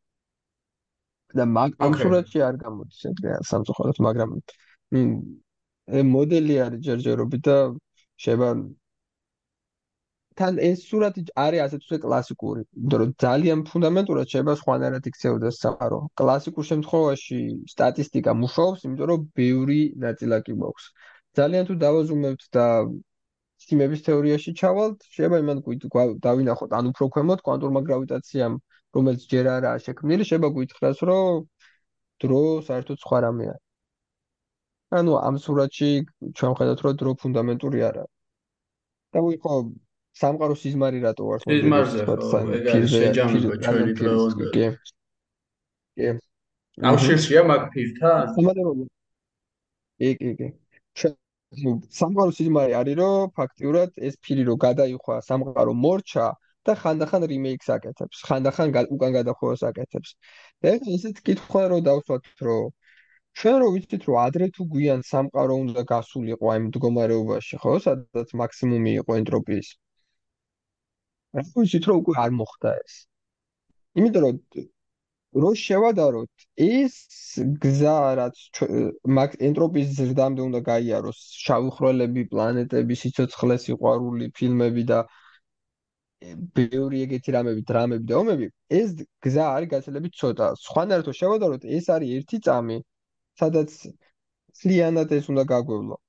და აქ კიდე სამყარო გააჩერე ერთ წამთან შედარებით აქ სამყარო გაატარებს ტრილიონობით წელს.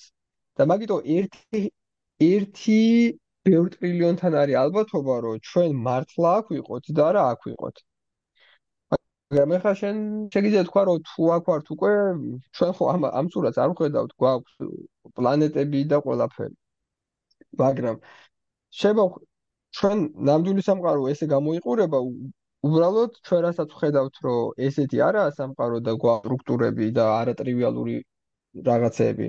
ეგ არის ზუსტად ჭყალებში სიზმარი და ხა სიზმარი რა არის?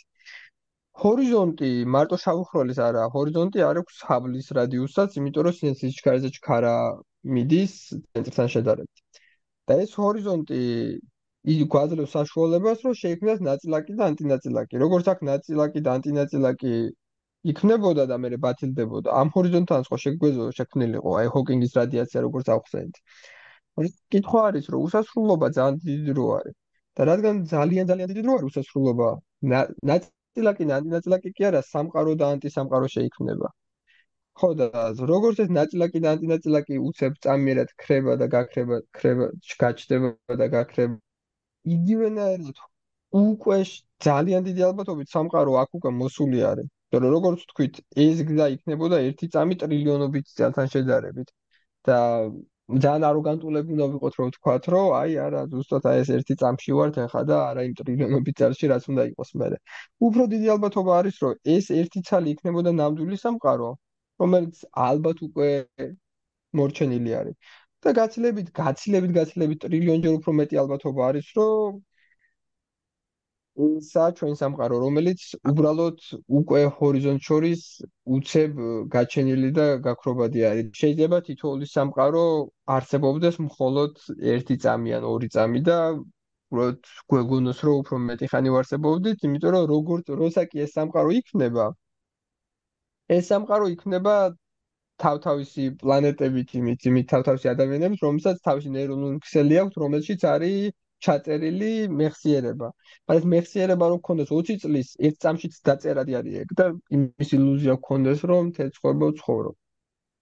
ანუ ეს წამს ჩვენ რას ვეძახით? ეგ ძალიან დავიბენი ახლა მართალი გითხრა, წამს ჩვენ რას ვეძახით? ანუ რა თქმა უნდა, საუბრობ შენ. უბრალოდ ვიძახი რომ სამყარო რო ჩანს რო 13 მილიარდი წელი არის. აჰა. ანუ მე რას გულისხმობ? ყურე, შენ წამში გულისხმობ ალბათ იმას, რომ სამყაროს მასშტაბებს თუ ავიღებთ, ანუ სამყაროს მასშტაბი ხანგრძლივ თუ სიტყვაზე პირობითად ჩვენი აღრიცხვით ტრილიონი წელი, ტრილიონობით, ტრილიონჯერ ტრილიონი წელი იქნება იქ ზემოთ და პირობითად აა 30 მილიარდი წელი აი აღმასვლის იმაზეა. ამას ეძახი შენ წამს შედარებით? კი, კი, კი. აჰა, ზუსტად. და 30 მილიარდი წელიც კარგი დრო მაგრამ იმასთან შედარებით იმდენად პატარაა რომ ძალიან პატარა ალბათობაა რომ ჩვენ მართლა აქ ვიყოთ და რეალური სამყარო ვიყოთ და არა უკვე ბოლოში გასული სამყაროს სიზმარი ხო, მაგრამ აი ეგ კარგად ვერ გამოგწევი. სიზმარი რატომ უნდა? გასაგებია რომ ალბათობა ცოტაა, მაგრამ მე თუ ამაში ვარ ამ წამს, თუ იმას შევთვით რომ ფირია, აა ისიც არის და ესეც არის. რა მნიშვნელობა აქვს ფილმის ბოლო უფრო დიდხნიანია თუ შუა? ამ შემთხვევაში ნამდვილი მართალ ხო არა, ამ შემთხვევაში ეს პირველი ასვლა ნამდვილი არის. მაგრამ ეს პირველი ასვლა არის ზუსტად ის ერთი ლურჯი ბურთი ბევრ ციტალ ბურთში, იმიტომ რომ ეს სამყაროები სულ ერთნაირად გამოიყურება. და ეს ერთი ცალი ბურთი იქნება ლურჯი ბურთი და ტრილიონობით წითელი ბურთი იქნება, რომელიც ესე შექმნილი სამყარო იქნება. მაგრამ მე თუ ამ ბურთში ვიარსებე, რა თქმა უნდა, ჩემი აღქმა ამ ბურთში რჩება. ანუ ჩემს მერე გავიდა სამყარო, სიტყვაზე გააგზელა იქ არსება, მაგრამ მე მაინც ამაში ვარ, ხო? რაღაც ეს ეს ესე შეიძლება გავიგოთ? შეიძლება შეიძლება შეიძლება ვარსებო. მაგრამ მაინც მაინც მაინც მაინც ამ ბურთში ვარ რომელიც მართლა მოხდა თუ უბრალოდ თუ უბრალოდ ის კვანტური ოსცილაციები არის წინ და იმ კვანტურ ოსცილაციაში ვარ ესე შექმნილი სამყაროები გაცილებით ბევრი არის ვიდრე ყალებში ნამდვილი სამყარო იქნებოდა რომელიც მართლა გაივლიდა მაგზას აი ეს კვანტური ოსცილაციები კარგად ვერ მივხვდი. რატო შეიძლება კვანტური ოსცილაცია? აი მაგას ვერ მივხვდი. მე თუ აღორებელს ვერ მივხვდება ბევრი. რო იქნებ ხო? კვანტური ოსცილაცია ხო ხო აი კვანტური ოსცილაციას ვეძახი კი მართალი ხარ ხო ისე ვიძახდი ტერმინს.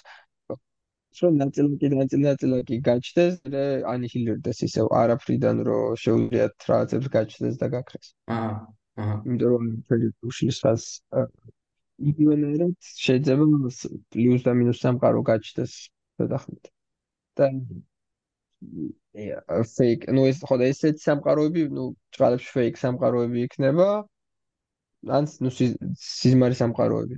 და ესეთი სამყარო იქნება გაცლებით ბევრი. შენ რას გულისხმობ? ეხა ესეთ გაჩენის სამყაროში რას გულისხმობ? უყურე, რომელიც მოწყვეტილად უცებ რაღაც ეპიზოდში ხდება და უბრალოდ ხრება და რაღაც სამყარო ბოლოდ ერთ ხაზზეა. დის მაგას გულისხმობ, მაგრამ მანდ აი ბოლომდე ვერ რეალურად. კი, კი, კი, კი, კი, კი, კი. კი, ანუ ნამდვილი სამყარო ეს ასხლეტილა. ანუ აი წარმოიდგინე რაღაც სამყარო არსებობს, რომელსაც აქვს თავისი გზა. არა აქვს მნიშვნელობა ეს ფირია თუ არა რა. მაგრამ რაღაც სამყაროები ამ რაღაცის ასხლეტივად წამიერად ჩდება და ხრება? და იმაში არის ილუზია რომ ეპიზოდი სამყარო? კი, კი. ჩვენ შევხედავთ მარტო ერთ ეპიზოდს სამთლიან ჩვენ ახლა სადაც ვართ ჩვენ შეიძლება გვეგონოს რომ 13 მილიარდი წელი ხდება ეს რაღაც მაგრამ ეპიზოდი არის სადაც მაგის მახსოვრობა გვაქვს რომ ეგ რაღაცები მოხდა. და რეალურად აქამდე ვარ გასული და ნუ წამიერად ხო რა ნუ ჭყალებში წამიერად ხედავთ. ანუ ყურე აი კიდე ერთხელ დავაზუსტებ რომ მაყურებელმაც კარგად გაიგოს და მსვენელს ანუ არის სამყარო მოცემულობა რომელიც გაჩნდა პირობითად big bang-სასაც ვეძახით გაიარა რაღაც ძალიან პერიოდი პატარა თავის მასშტაბებისთვის და აი დოკუმენტურსაც მეც უყურე მან იყო ზუსტად ეგ რომ უსასრულო ძალიან ბევრი დრო მე უკვე არის აი რაღაცა არ ვიცი მე ჭყალებში გაყინულ სამყაროში სადაც არაფერი აღარ ისო და ნეულად დღის ფენომენის ხრება რა. იქ არის თელი მოკლედ მისი ან მისი აი სიცოცხლის ხანგრძლივობა პირობითად რო აღვქვათ ან ადამიანის რაღაცა ჩვენი ანუ სანამ შეიძლება რომ საერთოდ სიცოცხლე მიარსებოს იქაც მაგაზე იყოს საუბარი და სადღაც ამიკითხავს და სადაც შეიძლება სიცოცხლე მიარსებოს ხალხს უშუალოდ არა დედამიწაზე არამედ კლიანად სამყაროში არის სამყაროსთვის რაღაც სულ ძალიან წამები რა ანუ მისი მისი გაგებით რა მისი ხანგრძლივობის. დანარჩენი არის სულ ის, რომ უბრალოდ თავიდან არაფერი არ არის და მე უბრალოდ ისეთ სიტუაცია, რომ ის ცხრა ვეღარ იარსებს, ხო? და ეს ოკეი, ერთი რაღაცაა გასაგები და იმას ვეგუები, რომ მე ამ ციკლში რაღაც პერიოდში, რაღაც მონაკვეთში გავჩნდი და მოვესწარი. პირობითად 13 მილიარდი წლის შემდეგ დიდი აფეთქების შემდეგ. მაგრამ შენ ამას არ ამბობ და შენ ამ აი ამ რაღაციდან როგორც ნაწილაკურ დონეზე რაღაც უცებ წამიერი ანასკლეტები ვიჩდება რაღაცეები და ხრება მე. და იმ ანასხლეთში უბრალოდ რაღაცა პერიოდი მოცემულობა დროის არის და ის მოცემულობა არის ახლა ჩვენთვის ეს და ეს რეალობა რომელსაც ჩვენ რეალობას ვიძახით შეიძლება უბრალოდ უყალოდ გაქრეს. აღარ გააგზელოს ის ზემდე რომ გზას ის ერთი აგზელებს და მან გაიარა და ეს პროსტ ანასხლეთია და არც კი გააგზელებს სამყარო იქამდე გაგზელებს ბას გზის მაგას ამბო თუნდაც ფლეშბექ ხო ანუ კი ფლეშბექები ვართ წინა სამყაროსი ან სხვანაირი სამყაროსი. მაგრამ ხო პატარა ფლეშბექებია. და რადგან უკვე ენტროპია გავიგეთ, როგორ მუშაობს, ხო? რადგან უკვე ენტროპია გავიგეთ, შეგვიძლია დავთვალოთ კიდეც ალბათობა რა არის მაგისი და მაგის ალბათობა არის, აი თავიდან როგორც დავსპოილერეთ 99.999%. რო ფლეშბექი ვარ და არა ნამდვილი სამყარო. და ესეც სამყარო უნდა არსებობდეს შენი აზრით? ში იკითხვა თან და მაგ კარგი მაგაზე გამაგრძელებენ ალბათ ის იქნებოდა შენი აზრით სამყარო შიგნით თუ არა მაგ კითხვაზე პასუხის გაცემა? პასუხი არის თუ არა შიგნით? იმიტომ რომ ჩვენც თუ სამყაროს ნაწილი ვართ თულია იმიტომ რომ ჩვენი აზრებიც შეება ამ ამ სამყაროში გაწერილი თამაშის წესების და კანონების გამომდინარეობა ყოფილი. მაგიტო არის ეგეთი მომხიბლელი ჭყალებში გარე სამყაროში გას. ხო, გარე სამყარო არის ალბათ ის თავარი გამოწვევა, რაც თავარი რეალურად ეგ არის, ხო? ანუ რაც გინდა შენ ფიზიკის კანონები გაიგო და ამ სამყაროში დარჩე, ანუ დაახლოებით ეს იმას გავს, აი ხარ ეტაპზე ვარ, ხო ხარ ხო პრიმიტიულეს ეტაპზე, ხო? დედამიწიდან ვაპირებთ გავიდეთ. ანუ წარმოვიდგინე რაზე ვსაუბრობთ რა, პლანეტაზე, რომელიც რაღაცა მტვერია სადღაც, galaktikis მტვერია. და ეხა იქ იქ იმ მასშტაბებზე არის საუბარი, რომ ანუ შენ როგორც დედამიწა უნდა დატო, მე ვეძახ ხოლმე ამას ბავშვობის დასასრულს. აი ხა ეს UFO-ს თემატიკა რო იყო ძალიან აქტუალური, სულ ვიძახდი, რომ მეთქი აი სამყაროს ბავშვობის დასასრული იქნება იქ, როდესაც გავიგებთ, რომ მარტონი არ ვართ, რა, სამყაროში. ეგ ხო დაასრულებს იმ ეგოცენტრულ აღქმას, რომ ეგოცენტრული აღქმა რა არის, ბავშვის აღქმა რა არის, სამყაროს ცენტრია და იზრდება საბავშვო ბაღში მაგიტო შეყავთ მე რაღაც სკოლაში შეყავთ, რომ აღმოაჩინოს, რომ მარტო არ არის და ყველაფერი მის გარშემო არტრიალებს და ამის მიმართ ადაპტირდეს, ხო? და რეალურად ენვეს ბავშვის მომენტი რა, რომ წარმოიდგინო, ნუ რა რა რა მომენტია რა, ნუ შენც ეგეთი ხარ ცივილიზაცია, რომელსაც გონია რომ თელი სამყარო შენ გარშემო ტრიალებს, ხო? მაგრამ ეგეც კი სულაც რომ აღმოაჩინოს სხვა პლანეტელები ესენი რაღაც ეს ცივილიზაციები საბოლოო ჯამში მაინც მივდივართ იმაში რომ რაღაცა ლუპში ვართ ყველანი ანუ ძმებო გავერთიანდეთ პონტია რა ანუ ეს სხვა პლანეტელები გავერთიანდეთ იმიტომ რომ რაღაც ერთ ლუპში ვართ რომელიც არის აი სამყარო. ამ სამყაროს გარეთ არის ან ფილმიდან უნდა გახვიდე რა მოკლედ რა რომ რაღაცა არის ხო აი როგორც ვამბობ ხოლმე ეხა მომენტში ვართ ატომები, რომლებიც ფიქრობენ როგორ მუშაობენ. ხო, ანუ ატომები რა ვართ ჩვენ, ანუ ატომები, ატომები, რომლებიც ფიქრობენ რა არის ატომი. ხო, არა ეგა.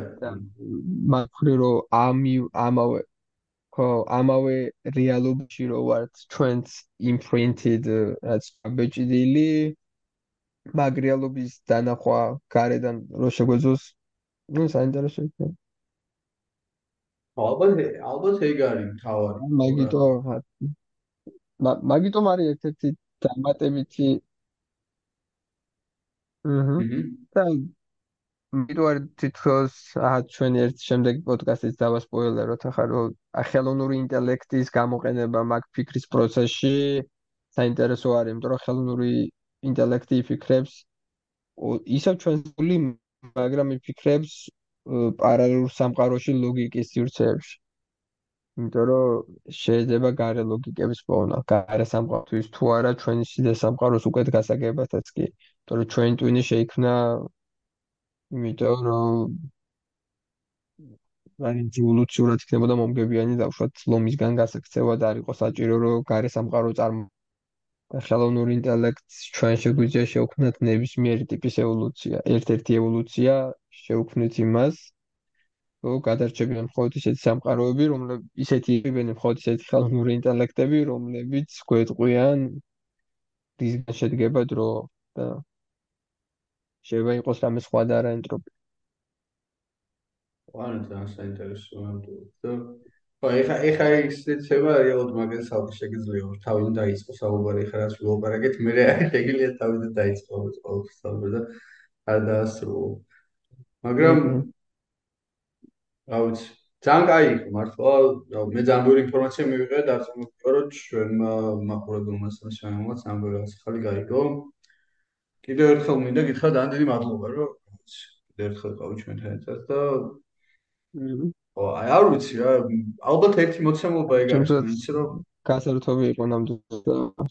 ხო ხო და ერთი მოცემულობა ეგ არის რა მაინც რომ სად ანუ რამდენად შეძლებ სადღაც გახვიდე და სად არის ლიმიტები რა. ანუ აი გამთავარი ალბათ გამოწვევა ხო? რაღაც ტურების გადალახვასავით აი თამაშებით აი რომ სადღაც ხარ ვიღაც ტიპი და გადიხარ რაღაც ლეველებს წარმოიდგინე რა 1 2 3 და თან გეიმერიც იცვლები რა. ანუ გეიმერი კი არა ის პერსონაჟი ვითაც თამაშობ ეგენი იცვლება რა ეხლა რაღაც ანუ აუცილებლად უნდა შეიცვალოს ჩემი აზრით მაგიტო ადამიანის ანუ homo sapiens-იც იმიტომ რომ ეს ეს პერსონაჟი არ არის ის კარგი ეს როგორც თამაში, კაი ანალოგია ძალიან. ხო, იმიტომ რომ არის ხო პერსონაჟი არ არის იმისთვის. გეიმ თამაშებში რაც ახალ აღჭურვილობას იღებ ან ესე იგივე არის ჩვენთვისაც ჩვენი აღჭურვილობა უნდა იყოს ერთ-ერთი ჩვენი ტვინიც და მაგ ტვინის აპდეიტიც უნდა იყოს თუნდაც ხელოვნური ინტელექტთან სინთეზი. ხო, თორე უბრალოდ აზრი არა. და თავად ალბათ რაღაც პერიოდში უკვდავებაც კი, იმიტომ რომ დღევანდელი მოცემულობით სიცოცხლე რომელიც შემოსაზღვრა 100 წელი პლუს მინუს. ამით შეიძლება იქნება გამოწვევების ბრძოლა და ერთი არის რომ კაცობრიობას გადავულოცოთ ან ხელოვნური ინტელექტთან შერწყმას და უკვდავებას ვეცადოთ რომ ვიპოვოთ ხო, მაგრამ თან მაინც საბოლოო ჯამში ყველაზე აბსურდული და თან საინტერესო ეგ არის რომ ანუ არსება რომელმაც რა ვიცი, თქვის არ იყოს ხოლმე ლომს გაიქცესო და იქ ვიღაცა ქვემოთ პატარა რა ვიცი, ანტილოპა დაიჭიროს, ხა საუბრობს ენტროპიაზე, ხო? საუბარ და გასვლაზე, როცა ანუ ზოგჯერ ჩვენი ფანტაზიები თითქოს ასწრებს ხოლმე ყველანაირ შესაძლებლობას. ზოგჯერ, თუმცა ჩვენი ფანტაზიები ძალიან შეზღუდულია რეალურად, რაღაცების წარმოდგენას არ შეგვიძლია ფუნდამენტურ დონეზე. და მაგიტო ჩვენი ჩვენი ობიექტური მიკერძოებულობაც რო დავძლიოთ, იმიტომ რომ ჩვენი ინტუიცია გამომდინარეობს სამ სამგანზომილებიან სამყაროსგან, იმიტომ რომ ეგ შეიგეთ სამყაროში შეიქმნა ჩვენი ტვინი. მაგიტო გვჭირდება დამატებითი დამატებითი მექანიზმები, ასე ვთქვათ. და ერთ-ერთი იყო მათემატიკა, ხო? იმიტომ რომ მათემატიკა გვაძლევს მაგის საშუალებას, რომ ხელი მოუკიდოთ, ცვალები დავხუჭოთ, წავყვეთ და რაღაც ახალ ადგილას მივიდეთ, რომელიც გვეტყვის, რომ ეი კვანტური მექანიკა არის სამყაროს ნამდვილი რეალობა. რომელსაც ჩვენ თვერასოდეს ვერ წარმოვიდგენთ და მე რო ნახეთ რომ ექსპერიმენტები მართა მაგას გვეუბნებოდა, მე დავიწყოთ ფიქრი როგორი შეიძლება ყოფილიყო კვანტური მექანიკა. და იგივენად ხელოვნურმა ინტელექტმაც, ან მაგ ხრი ჰიპერმათემატიკაა ხელოვნური ინტელექტი, იმიტომ რომ ეგ ინტუიტიური მიკერძოებულობა აქვს ლოგიკაში. ახალი ფერის წარმოქმნა თუ გვინდა ხელოვნური ინტელექტს უნდა უკითხოთ. და ჩვენ თავს. და იმის შემდეგ თუ ჩვენი ჯერჯერობით და იმის შემთხვევაში თუ ჩვენი როგორც კომპიუტერში დამატებითი რამი ჩავდგათ ან ვიდეო კარტა გავამატოთ რაღაცები, გენა ჩვენი ტვინის გაფართოება იქნება თუ დავამატებთ პროცესორებს, რომლებიც ხელოვნური ინტელექტთან იქნებიან სინთეზში. ანუ შენს ეგ ეგ მერტულება რომ მოგწონს გამახსენდა. კი, კი. კარგი. კაი, მადლობა მოკლედ ძალიან დიდი ბექა და რავი, მადლობა რომ გიყურეთ. ასევე მადლობა მსმენელებსაც, ვინც მოგვისმენთ და რაღაცები უბრალოდ გაგიჭირეთ რა ვქოთ, გირჩევთ რომ ჩეკეთ ვიდეოს უყუროთ, სადაც უფრო დეტალურად ჩანს ვიზუალურად გადავსაუბროთ. მადლობა და დროებით.